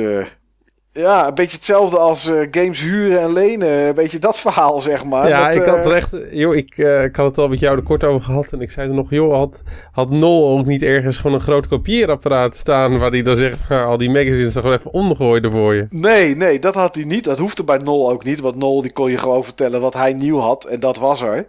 Dus, eh, maar nee, dat gebeurde, dat gebeurde niet. Nee, ik heb nooit gekopieerde magazines gehad. Ik heb wel iets anders ooit een keer gekopieerd gehad. Maar daar komen we straks, eh, daar komen we straks nog wel op. Oké, helemaal goed. En, Maar eh, die, die Engelse magazines, er waren er veel van, hè? Ja, heel veel. Heel veel waren ervan. En die waren ook echt van mooie kwaliteit. Ja, dat Eh, was wel eventjes een klein verschil met Club Nintendo. Ja, nou, en ook met het, ja, het legendarisch Nederlands blad. En het was ook legendarisch slecht, vond ik altijd. En dat was de Hoogspel. De Hoogspel, Ja, dat was het, eh, dat was het eh, eerste Nederlandse spellenblad wat ik kende. ja, ik ook. En ik weet niet, ja, ik vond het niet best. Het, er stonden altijd dingen in die mij net niet interesseerden. Misschien was dat het meer of zo. Ik, ik weet niet wat het was. Wat is jouw herinnering daar nog van, Steve? Oh, de Hoogspel had een soort met van, eh, van magische werking op me. Oké. De, de hoogspel die stond echt eh, vol met, ehm, ja, met, eh, met games die ik niet kon spelen. Want de hoogspel werd gepresenteerd als, eh als multiplatformblad. Ja, Maar het was echt eh, eh, 80, 90 procent was het gewoon, was het gewoon PC en homecomputers. ja, En, en een beetje wat erbij kwam, eh, Nintendo. Want ehm eh, hoogspel, dat was eigenlijk gewoon niks anders dan een, verkapt, eh, niet trans, eh, intransparant prom- promoblad. Uitgegeven door een grote importeur of distributeur van, van PC-games en homecomputer games. En, en volgens mij zaten ze niet of nauwelijks in, in consolespul. Nee, dus je, je, je, je vond er bijvoorbeeld ook pagina's met code in die je dan op je 64 of op je PC kon, kon intikken, zeg maar, vooral 64, om dan een programmaatje te maken of een klein spelletje en dat soort dingen. Dat vond je terug. En, en eh, eh, cheatcodes voor de Commodore 64 met Poke eh, 600 nog wat. En, eh, en, en dat soort dingen allemaal. En dat is, dat is ja, dat, dat vond ik altijd terug. En ja, ik, ik vond dat ook dan niet heel best, moet ik heel eerlijk zeggen. Ik, ik keek er wel doorheen, maar ik, nee, ik haalde er nooit echt interessante dingen uit eigenlijk. Ja, ik wel. Dan had je gewoon de, je had echt de mooiste van de mooiste spellen. Er stonden er weer allemaal van die adventures eh, in 256 kleuren eh, games. Eh, dat was echt gewoon high-tech spul. Ik, voor mij bestond er alleen de Nintendo en de Game Boy. Ja, En dan kreeg je, en dan kreeg je hoofdspel. En dan zag je dingen en dan had je zoiets van... Wat? Wat? En ehm, ja, de hoofdspel was eigenlijk mijn eerste kijkje in, eh, in PC-land, noem ik het maar eventjes. En dat heeft er uiteindelijk ook voor gezorgd dat er toen een hypermoderne PC in, ehm, in eh, Huizen Speelt kwam. ja ik zie Een, hier een, een, een, X, een XT op het moment dat de 386 al eh, was uitgekomen. ja, ik zie hier ook een cover van Hoogspel. Staat ook boven Adventure Tips, stonden er in deze, in deze editie. Eh, eerste jaargang nummer 4. En die kostte toch nog 7,95 florijnen. Dat was gewoon qua gulden, dus bijna 8 gulden. Dat was niet goedkoop. Nee. En er staat inderdaad spelsoftware voor Amiga, Atari ST, Commodore 64, MSX, eh, DOS en daarna dan nog Nintendo, Lynx en Sega. En eh, als een keer, zeg maar, een, eh, oh, als een keer een, ehm, een Nintendo-spel reviewde, dat was altijd negatief. Die hield, de- daar haalden ze echt hun neus voor op, hoor. Die, eh Echt die, waar, eh, ja? Die hoogspelsnops. Ja, hoor. Dat was, joh, eh, dat was echt gewoon PC Master Race. Oké. En oh, een, eh, een, de meeste platformers eh, of zo. Nou, dan had je weer zo'n gast die moest dan weer zo'n zo'n vuile platformer eh, reviewen op de Amiga of zo. Nou, dat, eh, dat was ook maar zeg maar echt, eh, eh, echt alsof het een smerig iets was. Nou, ik, ik, ik, zie, ik zie hier toevallig zie ik eh Gods. En dat was natuurlijk een platformer. Ehm, en de eerste regel is weer zo'n huppelspel. Waar je, waarin je van het ene platform naar het andere platform klimt of springt en naar beneden klettert. Ja. I rest my case. Ja, hij zegt uiteraard de onder wel kopen. Dat wel. Grafisch allemaal perfect, maar voor mij veel te moeilijk. Ja, wat ben je dan voor een reviewer? Ja, is Gods ook wel moeilijk. Is ook wel, maar dat, ik, ik heb altijd geleerd, en ook mensen die schreven altijd geleerd. Je mag best zeggen dat een game pittig is, maar niet zeggen dat hij voor jou te moeilijk is. Want alles wat hij daarna zegt, ja, kan ik niet meer serieus nemen. Ja, hij zegt ook, ik ben een echte beginner. En ja, dat- dat is precies wat ik wil weten. De mening van een echte beginner. Ja, en dat beroemde monitorsysteem werkt bij mij dus niet. Vanaf het eerste moment legde ik voortdurend het loodje.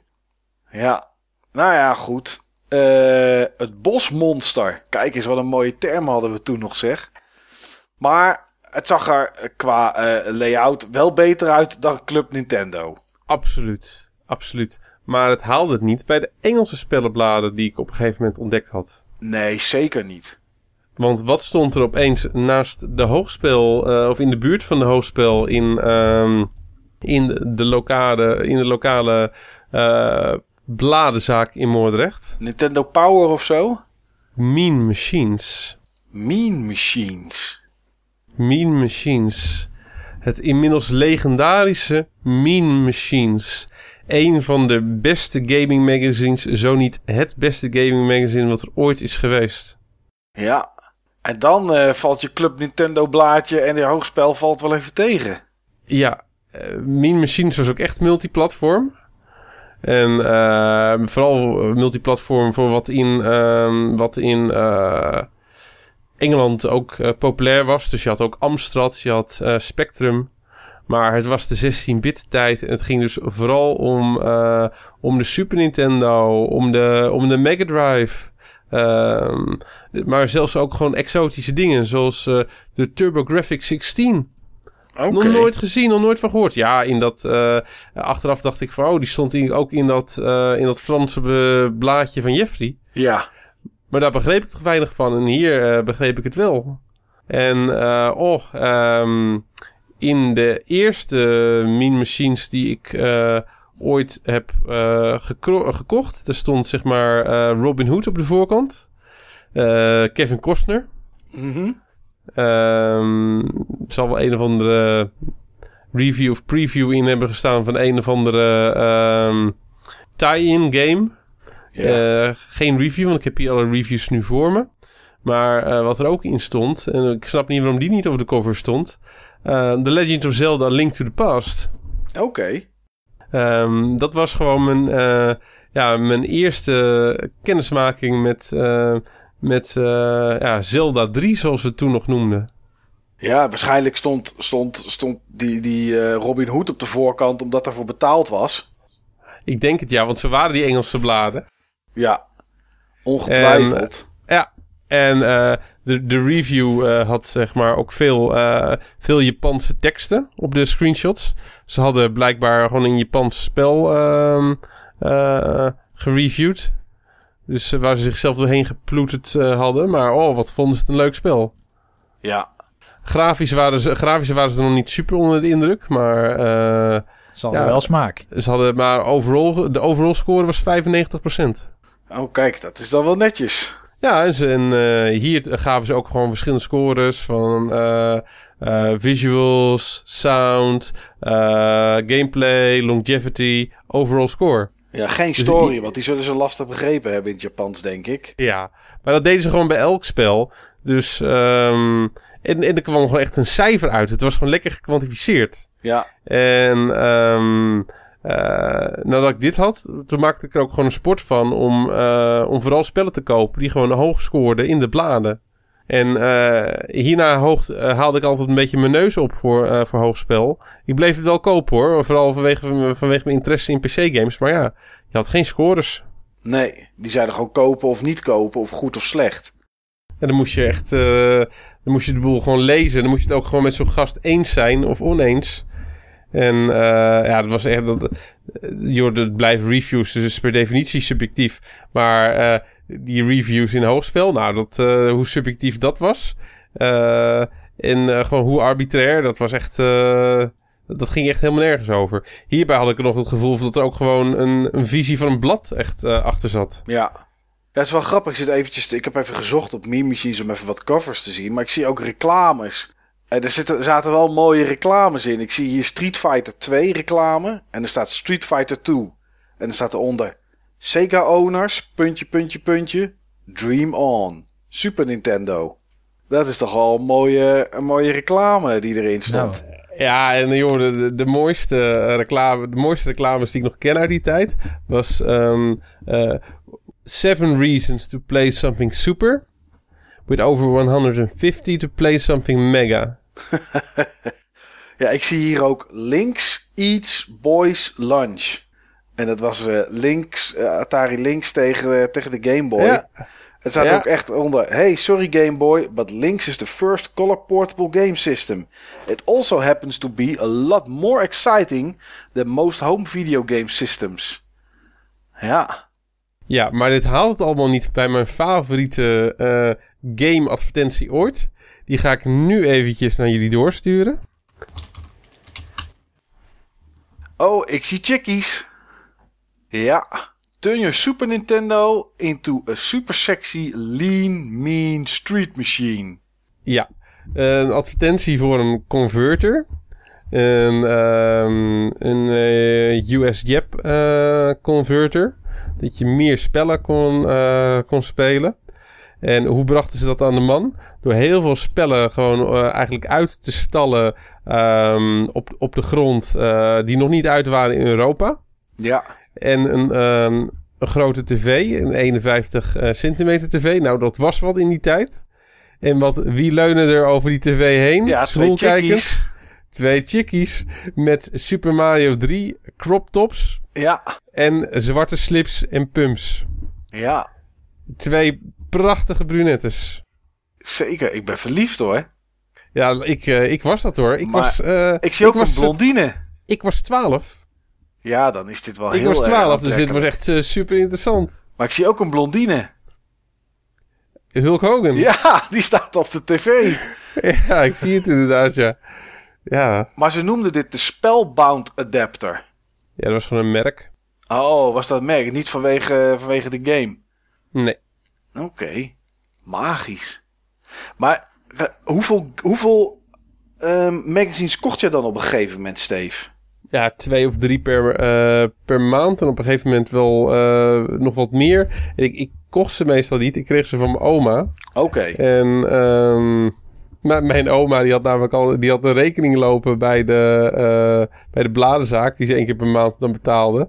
Maar op, ik kreeg ook comics van haar.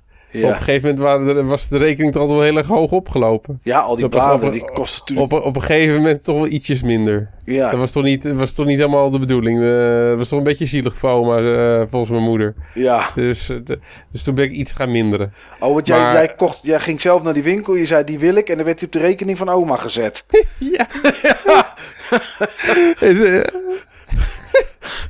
Oh, vandaar dat ik snap dat mama op een gegeven moment zei: Dit is niet helemaal goed meer te doen voor oma. Want Steve die ging gewoon naartoe en die kwam gewoon met, kwam gewoon met een boodschappentas vol nieuwe magazines thuis elke keer. Ik denk, ja, Eh, oma haalde die voor jou. Niet, niet alleen, eh, niet alleen mijn, eh, ik, maar mijn broer, eh, die kreeg dat dan, dan ook. Maar die, dat waren allemaal muziek- en jazz magazines. Ja, en dan nog comics. Ja, we waren dure klanten. Ik wou net zeggen, die eh, sigarenboer of winkelzaar of uh, boekenweerhandel of wat het ook was, die, eh, die was blij met jullie. Die spinden er goed gade bij, inderdaad, ja. Ja, Ja, zo mooi. Maar dat, dat, ehm, ja, ik had ook nog in, bij de V&D kocht ik soms de, de CVG.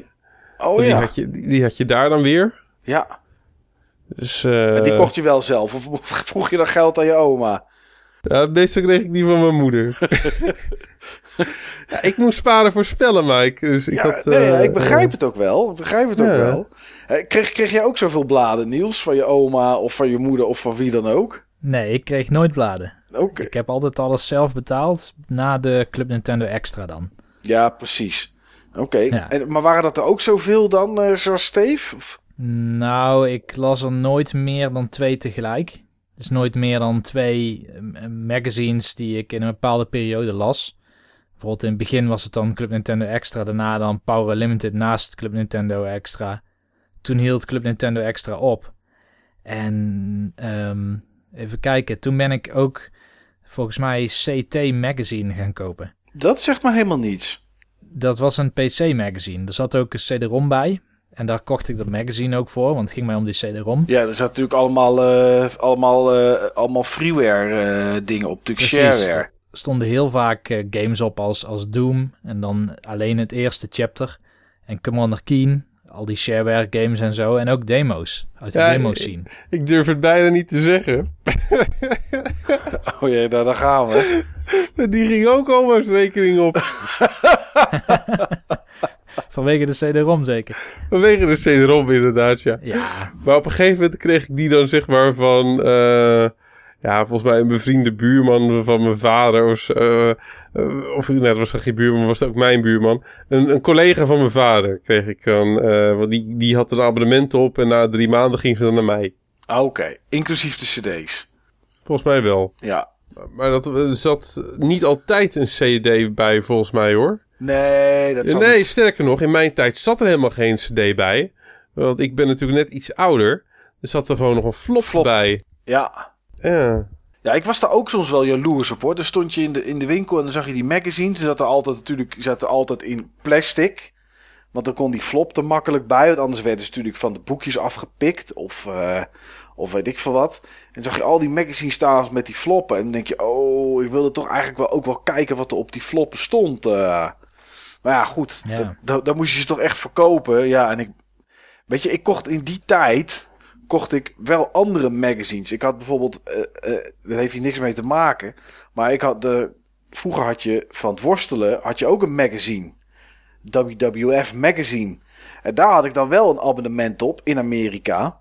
En daar kwamen af en toe eh, boekjes uit. Dat waren specials over dan een groot evenement. Of een spotlight over een bepaalde worstelaar. En die kocht ik wel. En die waren 20 gulden per stuk of zo. Ik durf het bijna niet te zeggen, maar Ah, nee. oh, wat heb ik een medelijden met jouw oma. Ja, god, het god? Is God, het God echt eh, waar? ziel. Is het echt waar, Steve? Gingen die ook op de rekening van oma? Dat ging ook op rekening van oma. En nu zit ik het in mijn hoofd op te tellen en ik voel me echt zo slecht. Ja, want als ik dit zo hoor en dan je broer ook en dan comics erbij. Oma moest denk ik zo elke maand 2, 2, 2 300 gulden aftikken, denk ik. Oh, dan ging mijn opa's pensioen weer. Oh, Oh, wat erg. Maar dat zijn van die dingen. Dat zijn van die dingen, daar denk je dan gewoon echt niet bij na op je leeftijd. Nee, dat besef je helemaal niet. Ik bedoel, eh, geld haalde, ja, niet bij een pinautomaat, die was er niet. Maar ge- geld haalde je bij de bank. En eh, ja, je had het voor de rest naar je zin bij oma. Oh, oh, oh Steve. Nou ja, goed. Hè, het, het is gebeurd en het, het, het zijn voor nu in ieder geval leuke verhalen. Potverdorie zeg. Ja. Ja, Op een gegeven moment trouwens ben ik overgestapt naar Engelse bladen. toch wel. Ja, omdat de Power Limited, ja, begon toen voor mij al minder interessant te worden. Ik weet eigenlijk niet precies waarom. Oh jawel, ik weet wel waarom. Omdat ehm, eh, op een gegeven moment kwam de, de Nintendo 64 uit. Mhm. En eh, je had Nintendo Official Magazine, NOM. Ja, dat was, dat was, een, eh, dat was een opvolger van, van Mean Machines. Oké. Ehm, mean Machines is op een gegeven moment gesplitst in twee bladen. Ehm mean Machines Sega en Official Nintendo Magazine. En dat hebben ze gedaan omdat ze zeg maar... Ze hadden de licentie gekregen, die uitgever IMAP... Om, ehm, om inderdaad het officiële Nintendo-blad uit te gaan geven in Engeland. was natuurlijk en- enorm lucratief. Eh, alleen ja, dat, dan moesten ze zeg maar wel een, ehm eh, een vehikel daarvoor creëren. En toen hebben ze uiteindelijk zeg maar die eh, redactie gesplitst. En ehm, ja, daar is toen Original Nintendo Magazine, OMG, is daaruit voortgekomen. NOM heet het. Ik moest het ook nog even opzoeken hoor. Het is Nintendo Oh ja, Official ON, Magazine. ONM, eh, official, Nintendo Official Magazine? Ja, ik dacht ook Official Nintendo Magazine, maar het is Nintendo Official Magazine. Oké. En het was een vrij dik blad en het zat ook altijd in het plastic verpakt, omdat er eigenlijk nagenoeg elke keer wel een poster of een gameguide bij zat. Ah ja, dan werden ze natuurlijk gepikt door, door mannetjes zoals ik, zeg maar. Die alleen kwamen Juist. lezen in de, in de, in de winkel. Ehm, het kan zijn dat het toch een ander blad is. Het kan de, nee, dat blad, eh, die follow-up van Me Machines heet de Nintendo Magazine System. Oké. Oké, weer een ander. Ja, Maar ja, qua Ja. namen en uiterlijk leken ze ook allemaal wel op elkaar natuurlijk op een gegeven moment. Dat, eh, dat had je bij de Commodore ook. Dan was het weer Amiga Power en dan Amiga Magazine en, eh, en, en Duitse magazines. Er waren er echt enorm veel altijd. Maar he- heb jij al die, al die magazines nog liggen, Steve, die je ooit gekocht, die je oma ooit gekocht heeft? ja eh, grotendeels wel. Die, ehm, die liggen allemaal in mijn schuurtje. Oké. En ik had eigenlijk, zeg maar, ehm, die dozen naar boven willen halen en daar doorheen willen gaan. Alleen dat is zo vreselijk ingebouwd. Dat ik zeg maar eh, daar echt niet bij kan eh, komen. Dan moet ik zeg maar mijn schuur opruimen. En dat wou ik juist doen in mijn vakantie. En dat is over twee dagen. Ja. Ehm, en, en jij, Niels, ik weet dat je er in ieder geval één hebt liggen, zeg maar. Vertel Ja, nou, ik heb er een aantal liggen nu nog. Eh, maar ik heb maar een paar van elk magazine nog liggen. Ik heb bijna alle Power Limiteds de deur uitgedaan. Ik had jaar 1 tot en met twee jaar geleden, denk ik, dat ik mijn abonnement stopgezet heb. Had je alles en- compleet? En had ik alles compleet. En dat heb ik allemaal in de oud papierbak gegooid. Zo? En dat was echt een hele oud papierbak van onder tot boven vol. Met allemaal Jan Meijroos eh gezwets. Allemaal Jan Meijroos gezwets, inderdaad, ja. Gek genoeg was dat misschien ook wel een reden waarom ik Power Limited eh, stopgezet heb. Want op een gegeven moment ging ik me een klein beetje ergeren aan de stijl van het blad. Ja, Ik vond het vroeger heel leuk, maar op een gegeven moment ging het meer over de redacteuren zelf dan de game. Ja. En ehm, wat ook nog was, en eh, ik heb daar een keer met Niels het hoofd over gehad. Die heeft natuurlijk ook bij Power Limited gewerkt. Eh, maar hij zei dat mijn vermoeden ernaast zat. Maar ik kan je mijn vermoeden uitleggen. En misschien herkennen sommige lezers van het blad het ook nog wel. Is, ehm, stel er komt een nieuwe Call of Duty uit. Dan kreeg je al maanden voordat die uit zou komen al previews van twee tot vier pagina's. ja, En je kreeg niet alleen een singleplayer preview, maar dan kreeg je ook het maand daarna een multiplayer preview.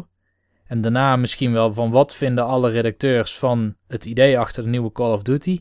En dan kwam het blad uit en dan was de voorkant natuurlijk Call of Duty en dan had je weer acht pagina's Call of Duty. ja, Maar je kreeg zoveel Call of Duty of zoveel, eh, zeg maar, de, de main game waar je toch al zoveel over wist van alle bladeren en van internet, dat het niet meer de moeite waard was om dat blad te hebben. nee. Nou ja, dat snap ik wel.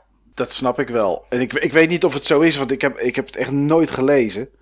Maar eh, ik, ik begrijp wel dat ze dat, dat ze dat doen, zeg maar. En ja, Nou, ik vermoedde dus dat ze Call of Duty coverden, zodat ze ook die actie mogelijk konden maken. ja, ja, wat ze doen en dat elk jaar of zo, hè? Ja, precies. Maar dat bleek dus niet te zijn. Althans, Niels zei van niet. Nee, ja, ik weet het niet. Het is zo als je de game koopt of als je abonnement neemt of zo, meestal in november, dan krijg je er een Call of Duty bij. Ja. En eh dat is natuurlijk een mooie, een mooie gecombineerde verkoopactie. Maar hoe die inderdaad voor de rest in elkaar steekt, durf ik ook niet te zeggen. Nee. Maar goed, ik snap wel dat je dan op een gegeven moment opzegt. En eh, ja, toen heb je ze dus toch allemaal maar in de prullenbak gegooid. Ja, kijk, ik had kunnen vragen van wie wil nog een bepaalde uitgave, maar dan moet ik dat weer allemaal uit gaan zoeken. Nee, dat is Bovendien, niks. die oude uitgaves, die zien er ook niet meer uit. Nee. Of die hebben geen kaft meer. En die nieuwe, ja, die zijn eh, niet echt bijzonder, als je het mij vraagt. Kopen jullie nu nog wel eens game magazines, Steve? Nee. Jij ook niet meer, Niels? Nee, ja, ik krijg ze nog wel eens gratis, maar anders dan dat niet. Jij wel dan? Eh, nee, Tuurlijk niet. uiteraard, uiteraard niet. Maar ik heb, ik heb ehm, vorig jaar tijdens de eh Buttonbashers actie van eh, Secret Santa... heb ik twee Retro Gamer magazines eh, gehad van, van Geurtes. En die heb ik toch wel gewoon lekker op de bank zitten lezen. Dat vond ik toch eigenlijk wel interessant. En dan pakken ze dan oude games uit die ze nog eens een keertje bekijken. Of, of gewoon informatie over een, over een uitgever of ontwikkelaar. ehm, dat soort zaken, zeg maar. En dat is, best wel, dat is best wel een aardig blad. En terwijl ik ze zat te lezen, dacht ik: oké, ik vind het ah, best wel tof. En gewoon lekker eventjes een half uurtje in het hoekje van de bank eh, wegkruipen. En, eh, en een boekje lezen. Ehm, maar toch zet het me dan niet aan tot het kopen van.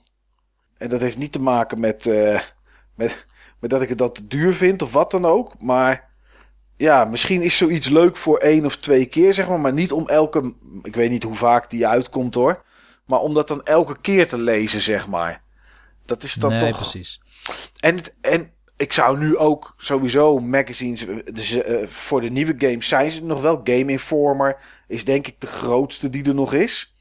Zeg ik gewoon even hardop. Eh, die hebben soms ook exclusieve previews. Zodat het nog een beetje hout snijdt om een magazine te kopen. Maar het loopt Ja. natuurlijk altijd achter. Het heeft, een, magazine heeft, weet je, alles heeft, heb je dan al lang online gelezen. Dus ik vind het wel knap dat er nog magazines zijn. Überhaupt. Ja, maar na Game Informer en Edge weet ik eigenlijk niks te bedenken. Ja, En Edge gaat heel slecht de laatste tijd schijnbaar. ja dat heb ik ook gehoord. Eh, ja, Edge en, heeft natuurlijk wel een heel specifiek publiek. ja. Ja, en en- überhaupt, laten we eerlijk zijn, gaming magazines anno 2016 hebben gewoon een heel specifiek publiek. Een ja, heel klein publiek ook, denk ik. ik denk ook dat de Power Unlimited in Nederland alleen nog bestaansrecht heeft omdat er mensen zijn die het merk Power Unlimited leuk vinden. Maar het blad, ja, wat voegt dat nu nog toe? Ik, ik weet ook niet hoeveel abonnees ze daarop hebben. Ik heb ooit eens een keer gehoord dat het nog zo'n 40 40.000. Dat vind ik nog best veel. Vind ik nog best Ja, veel inderdaad, ja. Misschien waren die mensen net zoals ik, dat ze eigenlijk jarenlang van plan waren een abonnement stop te zetten. Ja, Maar voordat je een keer, want dan moest je volgens mij ook echt met een brief aangeven. Volgens mij kan het niet eens via e-mail, maar dat weet ik niet helemaal zeker. Nee, ik heb wel ge-e-mailed trouwens. Maar ik miste elke keer dat moment. En dan was er alweer 60 euro afgeschreven. ja, En dan kwamen er toch wel weer 12 bladeren. ja, misschien dat het dat is inderdaad. Ik weet het niet. Maar, eh, maar het, is wel, het is wel leuk dat, dat in ieder geval jij, Steve, dat allemaal nog bewaard hebt. Maar ja, de vraag is, ga je er ooit nog een keer allemaal doorheen? Of komt er ook een keer een, eh, een papierbakmoment, net zoals bij Niels? Absoluut niet. Oké, Nee, dit valt voor mij echt onder, eh, onder eh, een hele grote nostalgiefactor. Ja. En ehm, ja, de kans dat ik dit ooit eh, wegdoe is bijzonder klein. Eh, bijna non-existent. ja. Eh, net, net zoals ik zeg maar mijn games echt van vroeger niet snel weg zal doen. Nee, precies. Omdat dat echt gewoon. Ja, je hebt het zelf. Nou ja, ja. Je hebt er zelf voor gezorgd dat je het binnenkreeg, zeg maar. En, en, en ja, dan is, dat, dan is dat toch inderdaad je jeugd. In dit geval. Eh, hoe zit dat met, bij jullie met guides, jongens? Koop, koop jij guides, Niels? Nee, ja, de enige guides die ik heb, die zaten gratis bij dat Nintendo Official Magazine. Oké, maar net zoals En dat waren dan dunne boekjes. zo de guides die tegenwoordig gemaakt worden, zeg maar. Echt die, die dikke pillen van eh 200, 300 pagina's. Nee, die heb ik niet. Ik heb daar eigenlijk weinig behoefte aan met game facts en artbooks, als je het voor de plaatjes zou doen. Ja. En jij, Beperkt. Steve? Beperkt. Beperkt. Ehm, vroeger waren guides voor mij inderdaad dingen die bij, ehm, die bij eh, magazines zaten. Of in magazines zaten in sommige gevallen. Ik heb er hier ook eentje voor me van vroeger. Een giveaway van Mean Machines. Oké. Die Ultimate Tips Book. Dan heb je zeg maar eh, ja, tips eh, bij tal van, van games. Ingedeeld naar platform en naar titel. Hier Enduro Racer op de, op de Sega Master System. If you want to jump, eh, jump levels on the title screen, press reset. Then up, down, left, right on control pad 1. You can now choose the round you want to play. Oké, Eh, dat soort dingen, ja. ja, dat eh, was handig. En eh Rustan for unlimited continue switch on the machine. And when the Sega logo appears, hold down buttons 1 and 2 and push the control di- diagonally down left. Oké, echt van die cheat, cheatcodes inderdaad. eh. Eh, ja, en ehm, hier heb ik zeg maar... eh, het zou handig voor jou zijn waar de, waar de schakelpaleizen zijn in Super Mario... Oh, kijk, Super Mario World. Super Mario World inderdaad, ja. Oh, dat is Of, wel of, zoals het, of zoals het hier noemen, Super Mario Bros. 4. Oh, zo noemden ze het nog ook. oh, gaaf. Ja. Ja. Nee, ja, eh, dit, dat soort dingen was, eh, was leuk. En eh, ja, guides. soms had je zeg maar een, echt een walkthrough van een, van een spel. Ehm, dat was een van mijn favoriete features in, in jouw geliefde hoogspel. Ja. In hoogspel had je ehm, de kweeste. Oh, En- ja, zo noemden ze dat, ja. En de kweeste, dat was zeg maar in feite een, een volledig uitgeschreven walkthrough van eh 1 tot 4 pagina's voor een adventure game. Ja, ja, ja. Dat kan ik me nog herinneren, inderdaad. Van eh, hoe maken we een spel kapot? Ja, want eh, als je er eenmaal aan begon, dan bleef je kijken. Want dan was Dan bleef je kijken. Ja, dat was lekker makkelijk Dat had. Club Nintendo Extra trouwens ook. Die had bijvoorbeeld eh, de eerste 20 minuten van Secret of Mana met screenshots van elk beeld zo'n beetje en een uitgebreide beschrijving erbij. Oké, om je een beetje op weg te helpen. Ja, Ja. En, en, en, en, en nu, tegenwoordig, Steve, guides. Ehm, Al is het alleen maar voor het verzamelobject. Soms, als ik ze echt heel goedkoop tegenkom, of het is van een game die ik heel graag zou willen hebben, of eh, van een game waar ik echt iets mee heb. Ja. Kijk, een, een guide van eh, Legacy of Kain Soul Reaver laat ik niet liggen. Nee. En ehm, een van de laatste guides die ik heb gehad, het is inmiddels alweer twee jaar geleden, was voor mijn verjaardag van jullie, van eh, Diablo. Eh, zeg maar die uitbreiding. Ja. Eh, ja, super mooi ding. Echt een toffe, eh, toffe guide. Ook echt nuttig. Maar niet toen ik hem van jullie kreeg. Want inmiddels waren er gewoon flink wat patches over die game eh, heen gegaan. Die de balans op zo'n manier eh, eh, aangepast hadden tot eigenlijk bijna niks meer klopte. Nee. Nee. Dus eh, ja, dat is gewoon een- dat zie ik als een van de problemen van, eh, van echte guides. En met al die online games. Ja, voordat je het weet is het gewoon echt anders. Ja, Maar een, een van de guides waar ik het meeste eh, aan heb gehad. ehm, het meeste plezier mee ook heb beleefd. Was de guide die ik heb gekocht van Oblivion. oké. Ja. was echt een prachtige guide. En eh, super dik. Er zou een kogel op kunnen vangen, bij wijze van spreken. En ehm, ja, dat. eh, En die heb je ook echt gebruikt tijdens het spelen. ja, daar stonden al die quests in, joh. Ja. Ja, ik heb, ik, heb wel wat, ik heb wel wat liggen. Door de jaren heen heb ik wel wat gekocht. Als ik bijvoorbeeld op een rommelmarkt tegenkwam of zo, dan vragen ze er 2 2 euro voor of zo. Nou, dan, dan neem ik het mee. Dus heb ik bijvoorbeeld eh, een World of Warcraft Atlas heb ik, heb ik, eh, heb ik liggen. Eh, heb je helemaal niets meer aan, want dat is Vanilla WoW. En Vanilla WoW is helemaal omgegooid. Dus ja, het is leuk dat ik hem, dat ik hem heb. Maar je, je hebt er voor de rest niet veel aan. Misschien dan als memorandum aan die wereld zoals die toen was. Nou ja, dat wel. Dat dan, dat dan inderdaad wel. Eh, ik heb ook nog een strategy guide voor gewoon World of Warcraft. Zoals die ooit, eh, ooit uitkwam. Ook ergens eh, op die manier gekocht.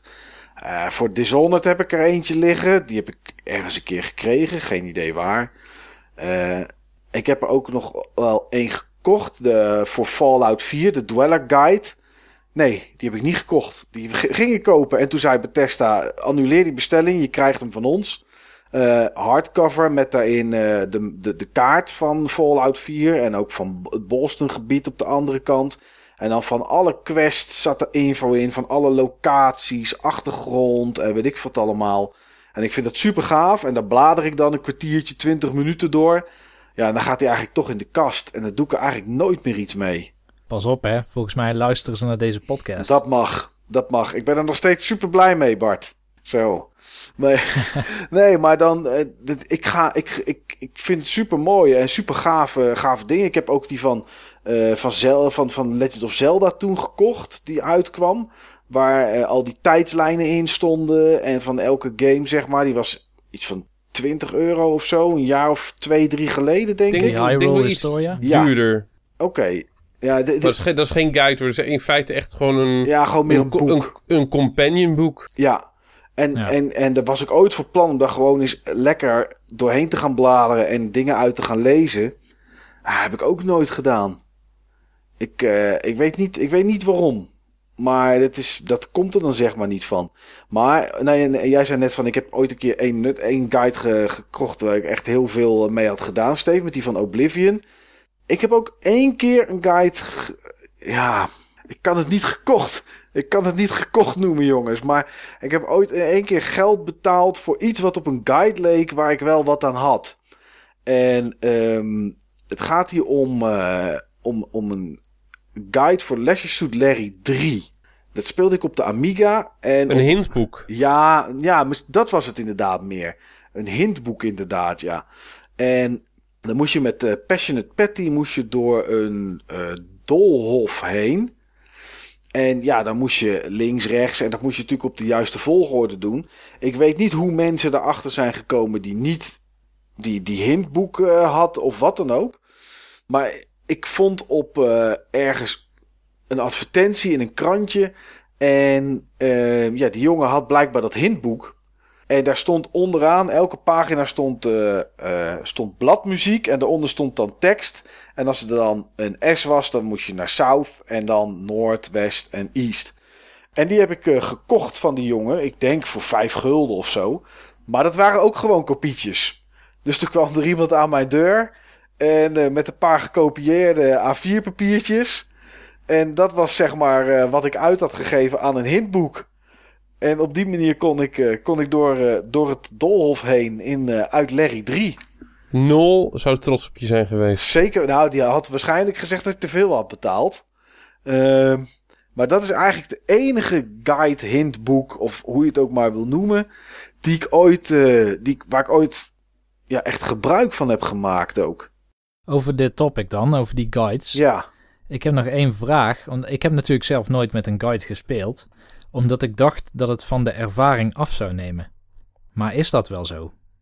Nou, ik heb, eh, ik heb eh, Space Quest 1, 2 en 3 eh, uitgespeeld met een, eh, met een guide. Dus ik, eh, ik heb echt wel genoten hoor. Om al die tekst gewoon één op één uit de guide over te tikken om te zien wat het deed. Ja, ik kan me ergens voorstellen, want ik bedoel, ik gebruik eigenlijk ook geen GameFAQs tenzij ik echt ergens lang vastzit. Ja. Maar ehm, ik heb wel altijd het idee dat het inlevert aan het ontdekken van zo'n game. Maar als jij een hele mooie guide hebt, zo'n Zelda-guide zeg maar, met, met super hoge kwaliteit artwork en concept art die niet uitgekomen is op een andere manier, dus die alleen via die guide krijgt, dat het misschien ook wel kan verrijken. Nou ja, kijk, ik, ik, ik heb wat ik zeg, die, die Dwellers Guide voor, voor Fallout 4, die heb ik natuurlijk wel een stuk door zitten lezen. En dan ehm, Fallout 4 vond ik toch een heel stuk minder na 60, 70 uur dan Fallout 3. Ondanks dat ik het een toffe game vond. Maar dat kwam puur door dat alles eindigde met schieten. En dat ik toch vond dat er wat te weinig verhaal en informatie in zat. Hè, te weinig gesprekken. En als je dan die guide erbij hebt en je komt in een gebied of in een gebouw. En elk gebouw wat er is, staat gewoon beschreven in die guide. En er staat dus enorm veel extra info in. En dan brengt het wel bij zo'n game. En ik denk dat bij Oblivion dat dat hetzelfde moet geweest zijn voor Steve. Maar dat kan ik me alleen maar raden. Maar dan, dan brengt het wel extra, een extra dimensie mee aan de game. Het is, je gaat wel elke keer zitten lezen en zitten bladeren om het gebouw op te zoeken. Of je doet het achteraf, hè, als je twee, drie uur gespeeld hebt. Dat je nog eens eh, terug gaat kijken waar je geweest bent. En dan wat info over die, over die gebouwen opzoekt. Maar ja, dat, het kan wel wat toevoegen, moet ik zeggen. Ik weet niet, heeft dat voor jou ook gedaan, Steve? Of was het puur om die quests eh, makkelijker te spelen? Nee, dat heeft toen bij Oblivion ook wel eh, toegevoegd. Ja. Ja, en, en bijvoorbeeld die World of Warcraft atlas die ik heb, ja, die zal destijds zal die best, wel, best wel nuttig zijn geweest. Ehm, en, en nu, nu puur om, om nog na te kijken. Maar ik heb wel, en ik weet niet of daar ook ooit, eh, ooit atlassen voor geweest zijn, voor EverQuest. De, de eerste MMO die ik natuurlijk zeg maar echt speelde. Daar waren wel mensen die online tekeningen maakten van de maps. En die had ik uitgeprint en in een grote multimap zitten. Dus toen deed ik, eh, als ik dan een zone binnenkwam, of ik was op zoek naar een zone voor mijn level, of ik zocht bepaalde spelers, of, of op nee, geen spelers, NPC's, of een stad, of, of een weg ergens naartoe, dan pakte ik wel die multimap, zeg maar, als we het toch over papier hebben en, en, en guides, dat soort dingen. En dan las ik, las ik wel de kaarten, zeg maar, en de wereldmaps. Die printte ik dan wel op het werk uit, want dat kostte net mezelf geen inkt. Dus dat, dat deed ik dan wel. Maar ehm, ja, dat, was, dat, dat deed ik dan wel. En dat, ja, dat hielp ook wel om de ervaring, zeg maar, een beetje te stroomlijnen. Ja. Maar ja, kijk, walkthroughs en dat soort dingen, dat, dat hebben we natuurlijk allemaal wel eens, eh, wel eens gedaan. Ja, dat, dat is toch meer online op, opzoeken. Ik weet niet of die ook echt in de winkel hebben gelegen. Ja, behalve misschien een keer in zo'n boek, zeg maar, in zo'n hoogspel of zo, die dan, eh, die dan een paar eh, pagina's met adventure dingen had staan. En dat was ook wel altijd heel beknopt, want het was echt alleen wat je moest doen. Ga daar naartoe, pak dit op, doe dit. En, dus ja, dat, dat, dat, dat verhoogde niet enig speelplezier. Maar zo'n zo'n guide waar dan echt info over de speelwereld in staat... die je niet in de speelwereld krijgt, ja, die, dat, dat wel. Dat verhoogt het op zich wel. Nee, en jij zei aan het begin, eh, Niels, dat je natuurlijk nog een magazine voor je had liggen. Er stond ook een mop in. Nou Ja. ben ik ooit, eh, eh, heb ik, dat, weet, dat weten jullie niet, maar heb ik ooit een soort carrière gehad op de lokale Haagse radioomroep om daar elke, elke week moppen te vertellen op de radio. En er kwamen ook klachten over mijn moppen binnen, maar goed, dat is een heel ander... eh, is, Ja, we hebben, we hebben, eh, we hebben weer een extra band, eh, Mike. wat dan, Steve? Ik ben beheerder geweest van, van Moppenweb, moppen.nl. Zo is mijn internetcarrière begonnen. Echt waar, Toen ja? was ik contentbeheerder van moppen.nl. Oh, schitterend. Ik hou niet eens van moppen. Oh, dat niet. En over mij zijn ook klachten binnengekomen. Wa- wa- waarom? Omdat... ja, dat is dan die band, zeg maar. Ja, die Ja, klachten. nou, dat verhaal ga ik eventjes eh, vertellen.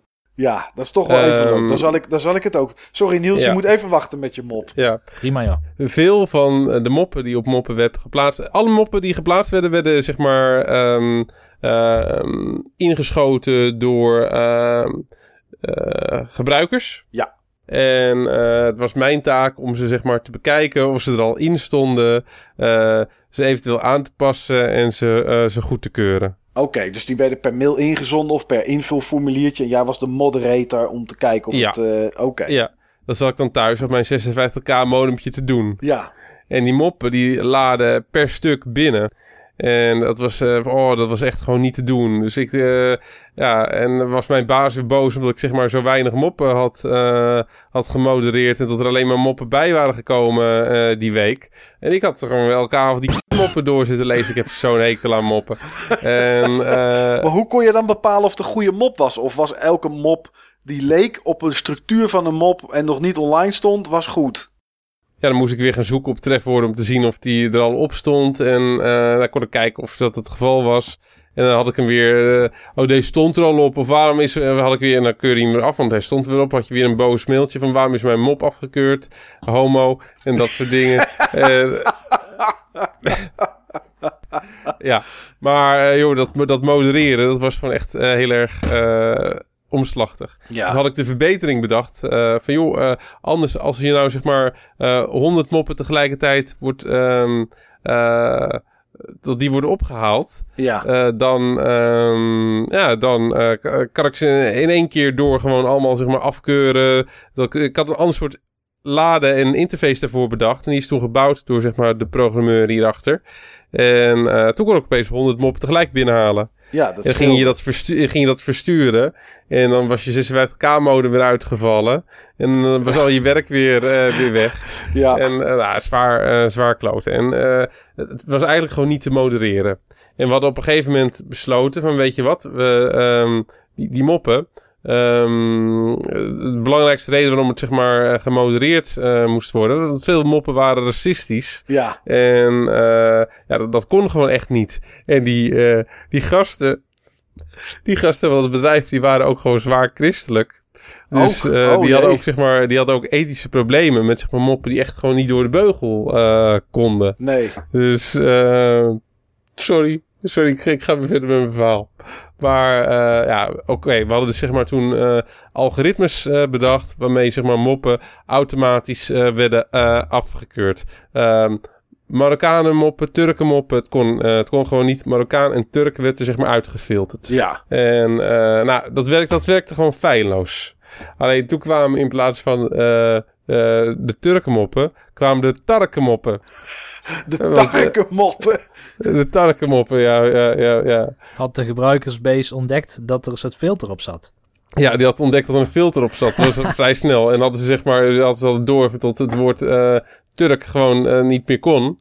Dus eh, ja, Tark dan, hè, opgelost. Ja. Oké, wij, wij weer filter aangepast. Dus eh, je, je kon nu zeg maar eh, elke...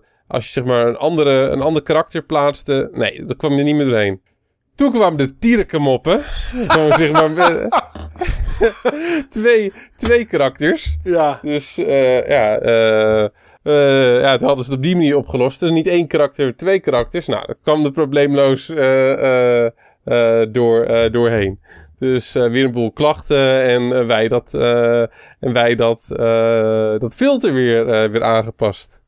En eh, nou, wij vervolgens, eh, ja, toen kwam er echt helemaal niks meer doorheen. Toen was het filter zo ingesteld dat, eh, zeg maar, als, als je TRK had en er zat iets tussen, Ja. ja, dan, dan, dat, dat pakte die niet hoor. Trek Dus, en trok ja. en dat soort Ja, dingen. Sint- Sinterklaas moppen? Nee, dat, dat ging niet.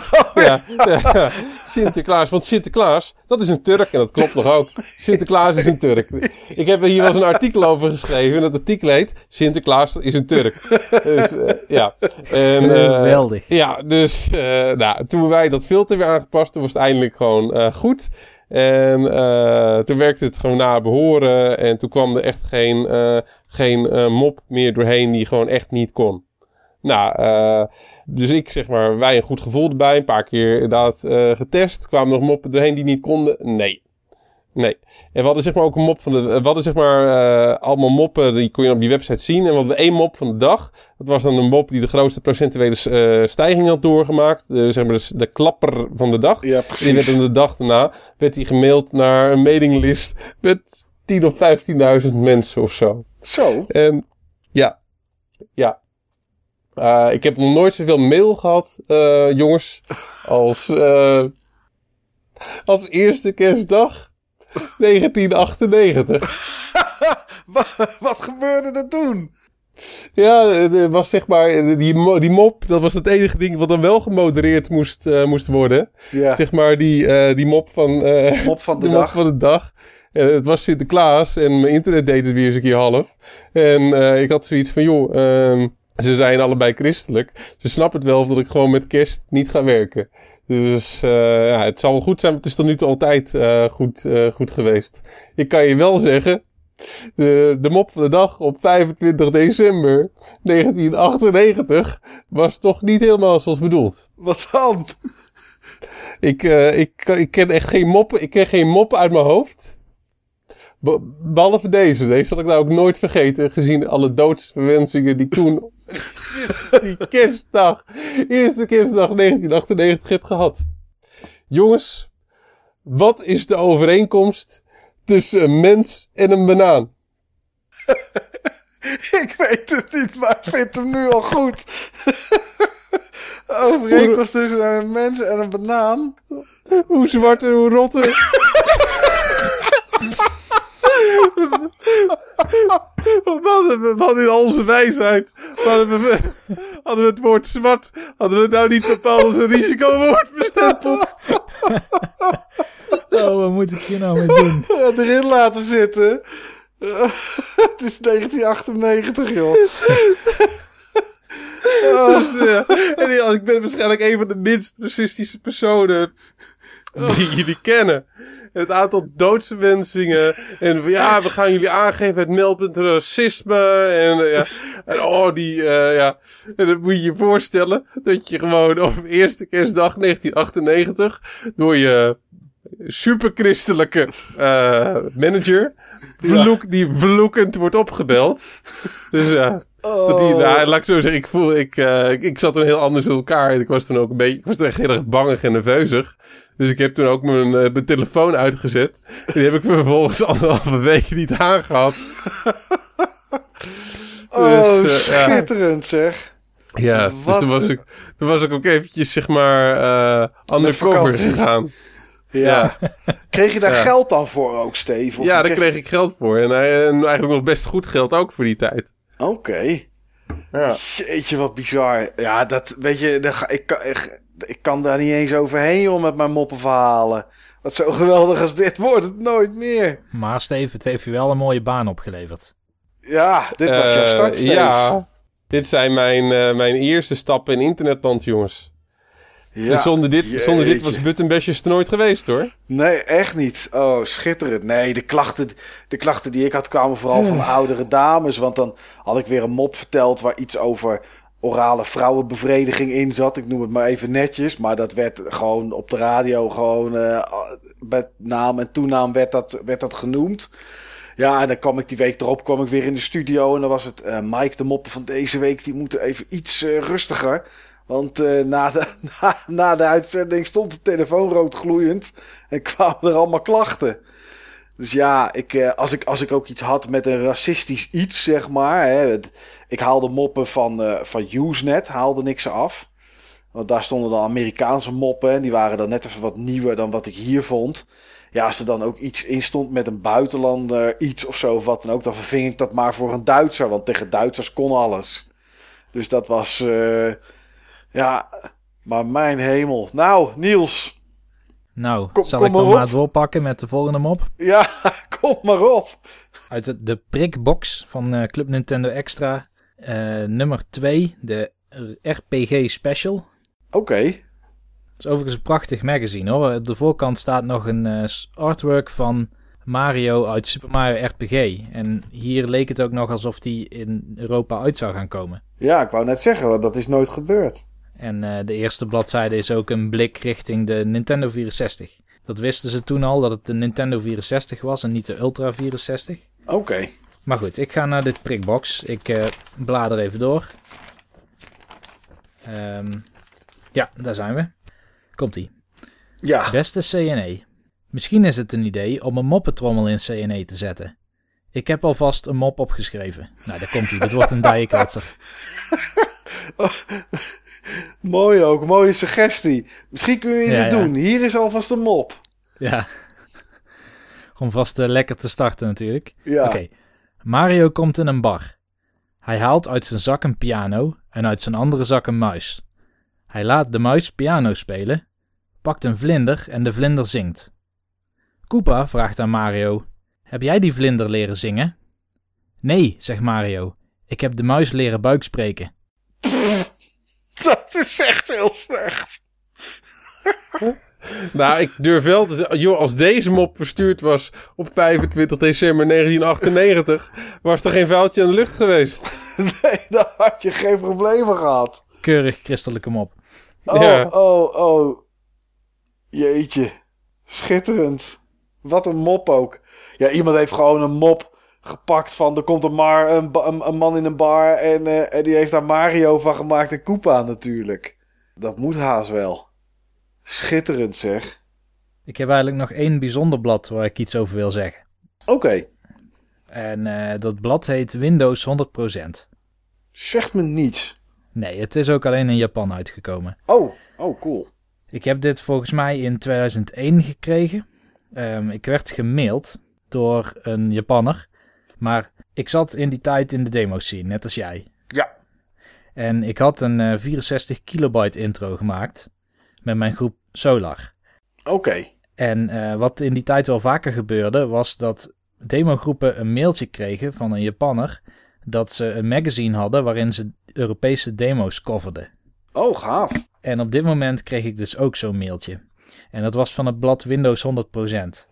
En eh, om precies te zeggen, ik kijk heel eventjes wat ook weer die mail zei. Eh, want ze, ze willen dan graag jouw demo featuren in hun blad. En dan staat erbij: Make cool demo shock to Japanese brain. Het klinkt een beetje als all your base are belong to us. Dat was, zoiets was het inderdaad. Nou ja, eh, het is een, een vrij dik magazine, een beetje formaatje Edge. En ja, helemaal in het Japans. Er staat ook eigenlijk bijna geen herkenbaar teken op.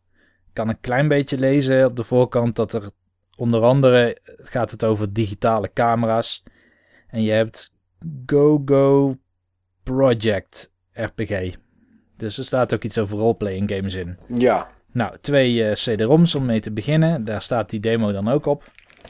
Ehm, veel reclame, reclame, reclame, reclame. Ehm, om een of andere reden veel vrouwen. Want dat is wel Japans. Ja. Na 50 bladzijdes alleen nog maar vrouwen. Oh nee, bij 50 bladzijdes komt er eindelijk een screenshot van eh, Space Harrier. Zo bijzonder is dat niet. Nee. Eh, verder bladerend. Ik, heb, ik hoef eigenlijk niet te bladeren, want ehm, ik heb een, eh een sticky note. Ja, ja, Een ja. post-it inderdaad aan de goede pagina hangen. En waarom heb ik dit gedaan? Het is omdat soms wilde ik het blad aan iemand laten zien. maar er zit ook een eh, 18-plus sectie in. Oh. Met allemaal naaktfoto's van vrouwen. En daar wil je niet dus naartoe bladeren op het moment dat je iemand wil laten zien dat je ook een keer in een blad staat. Ah, Niels staat een keer in een blad, staat hij in zo'n blad. Ja, precies. En, maar die, had, die hadden helemaal niks met games te maken, die blote dames. Nee, nee, dit was gewoon, eh, ja, gewoon posters en dat soort dingen. Bizar, bizar magazine, joh. Uiteindelijk de laatste 10 pagina's, daar staan er ook wel weer games in. Maar dat zijn allemaal ook weer van die, ja, van die hentai games, zeg maar. Ja. RPG's. Maar hier stond jullie... Hier stond dan jullie, jullie intro in, zeg maar. Jawel, op pagina 69. Ik heb hem nu voor me. En wat wel grappig is aan deze pagina is... eh, er staat sowieso... eh, wat is het voor demo? Er staat een screenshot van welk bestand je aan moet klikken. Omdat het natuurlijk in het Engels geschreven is, die Oh, ja. filenames. Dus dan weten ze wat ze moeten klikken om het op te starten. Dan staat er, even kijken, want het is allemaal Japans. Data Oranda. Nou, het, eh, dat het een Nederlandse demo is. Oké. 64k intro en dan staat er file Toronashi. Ehm Oh, wacht. Dit gaat over wat voor bestanden erbij staan. Maar omdat het allemaal self-contained en executable is, staat er eigenlijk dat er geen extra bestanden bij zitten. En dan staat er solar en eh, welk jaar en hoe groot het bestand is. Oké, en, En geven ze dan ook nog hun, hun mening erover of zo? Ehm, nou, ik ben nu voor het eerst die tekst aan het lezen, want toen kon ik natuurlijk niet lezen wat er stond. Nee. Even kijken, er staat comment. Ja, er staat een sectie met comment. Ehm, eerste plaats, demo party, woest 2002. Ehm, Was dat ook de party waar het was? Woest? ja, woest, zo heette het ja. Oké. Volgens mij was dat in Venlo of zo. Ja. Dan een aantal Chinese tekens. Die kan ik niet lezen. Synergy. Dat was de... Dat was de... Dat, Dat, was, de- hem, ja. Dat Ja. was hem, ja. Nou, wat heel grappig is, is ze hebben dan ook een aantal screenshots gemaakt. En eh, ik had in die tijd een GeForce 2 GTX of zo. Of misschien had ik net de GeForce 3. Nee, ik had volgens mij nog de GeForce 2 in die tijd. En eh, ik had dus ook alleen maar op die kaart getest. En hier hebben ze een aantal screenshots en er is duidelijk één scène. En daarmee gebruik, maak ik gebruik van een soort motion blur. En die heeft een blend mode die blijkbaar niet door die videokaart van dit blad wordt ondersteund. Dus het ziet er heel anders uit dan het bedoeld is. Oké. Het is helemaal wit geworden in plaats van, eh, van wazig, zeg maar, wat de bedoeling was. Ja, je moest een GeForce 256 of beter hebben, zie ik staan. Ja, klopt, ja. En een TNT 2 werkt als je geluk hebt. Ja, vanwege die... eh, we maakten best wel veel gebruik van, eh, van heel veel transparantielayers. Oké. En ehm, ja, GeForce was op dat moment echt een hele goede kaart. Heel snel. Althans, die, eh, dat model wat aangeraden wordt. Ja. En jij hebt dit blad toen opgestuurd gekregen van, van de mensen die het uitgaven? Of hoe heb je dit Ja. blad gekregen? Oké. Van de mensen die het uitgaven. En dan kon je aangeven hoeveel magazines dat je wilde. En ik geloof dat we vier hadden laten komen of zo. Oh, dat is wel... Ja, voor Crash, voor Rafferty, voor Code en voor No Access zeker. Klopt, ja. Ja, ik heb de, de info-file hier voor mijn neus. Ah, juist. Ja, nou, wel cool. Dat is wel een tof magazine om te hebben. Zeker weten. Dus die heb ik ook nog bewaard. Het is een van de weinige magazines. Want verder heb ik alleen nog een paar eh, Game Developer, eh, Control Magazine, een paar Power Limiteds en eh, vier Club Nintendo Extra's. Maar dat is echt alles wat ik nog heb. Oké. Ja, het enige wat ik dan nog heb als je, als je dit soort dingen aanhaalt is, een, eh, is de Metro, denk ik dat het is, van een jaar of vier, vijf geleden. Toen Ja. heb ik eh, een stuk over de E3 geschreven, toen de Wii U net aangekondigd werd. En eh, daar getoond werd en, en dat soort dingen. Toen heb ik een stuk geschreven voor de Metro. En toen ben ik 's ochtends naar het station gegaan en toen heb ik er een stuk of drie, vier opgehaald. Want daar stond ik met naam en toenaam stond ik dan in, eh, in een stuk eh, in de metro. Ja, maar stonden er ook naakte vrouwen in? Eh, dat weet ik niet. Ik heb alleen naar die pagina gescrolld eigenlijk eh, gekeken. En voor, en voor de rest eigenlijk nooit. Ja. Nou, ja, grappig jongens. God, Steve, wat een verhaal van je mop. Het heeft helemaal niks met magazines te maken, maar het is wel een mooi verhaal. Het is, het is inmiddels wel retro. Ja, dat zeker, ja. Ja, en het sloot er toch een beetje aan bij de iets mindere mop, sorry Niels, die jij uit, eh, die jij uit jouw Nintendo magazine haalde. Ja, goed, was iets minder. Die heb je niet zelf bedacht, eh, dus dat scheelt. Ehm, ja, ik ga nu één ding doen. En dat, jij weet wel wat ik ga doen natuurlijk, Niels.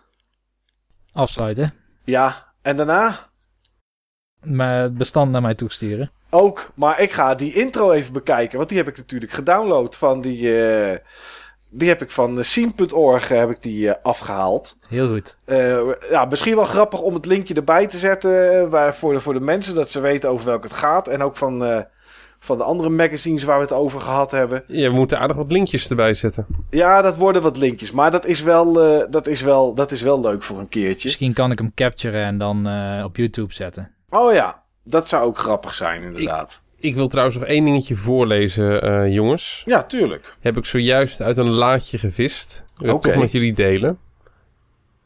Kom bij de Nintendo Club. Indien je lid wilt worden van de Nintendo Club, kun je gratis het clubblad ontvangen. Met leuke tips over je favoriete spellen. Je kunt tevens profiteren van leuke aanbiedingen van Nintendo shirts en stickers tegen aantrekkelijke prijzen. Maar je komt ook alles te weten over de laatste nieuwigheden van Nintendo. Ik heb nog nooit een shirt of sticker gezien. Indien je nog geen lid bent, vul dan zorgvuldig deze kaart in. Noem snel op de post. De inschrijving is gedurende het eerste jaar gratis. En daarna hebben ze ook nooit de kosten gerekend. Nee. Nee. En dan kan je eh, alles invullen. En dan kan je invullen van productnaam, hardware, cassette, toebehoren. Moet je aanv- aanvinken. En ik denk dat je er iets achter moet zetten. Maar productnaam, de punt hardware, cassette, toebehoren. En de aanvinkvakjes. Nou. PS, vergeet niet dat je ons ook telefonisch kunt bereiken. Onder nummer bladibladibla. Jeetje, jij hebt gewoon nog zo'n kaartje liggen, Steve. Meerdere zelfs. Jeetje. Ik heb ook zeg maar een iets professionelere. Oh, deze zeggen ze nog steeds precies hetzelfde. Alleen dan heet het in plaats van de Nintendo Club heet het Club Nintendo. Oh. Kom bij de Nintendo Club. Ja, ach, grappig dat je dat nog gewoon hebt, joh. Hey, bij je CNE is het nieuwe gein alweer. Oké, daar was het wel een nieuwe gein. En geen, Ja. wat was het andere? Breukelen? Breuken, breukelen volgens mij inderdaad, ja. Oké. Nou, eh, ja, grappig jongens. Ik moet eerlijk zeggen, ik heb niet, natuurlijk niet zo heel veel met magazines, maar er zijn toch wel mooie verhalen naar voren gekomen.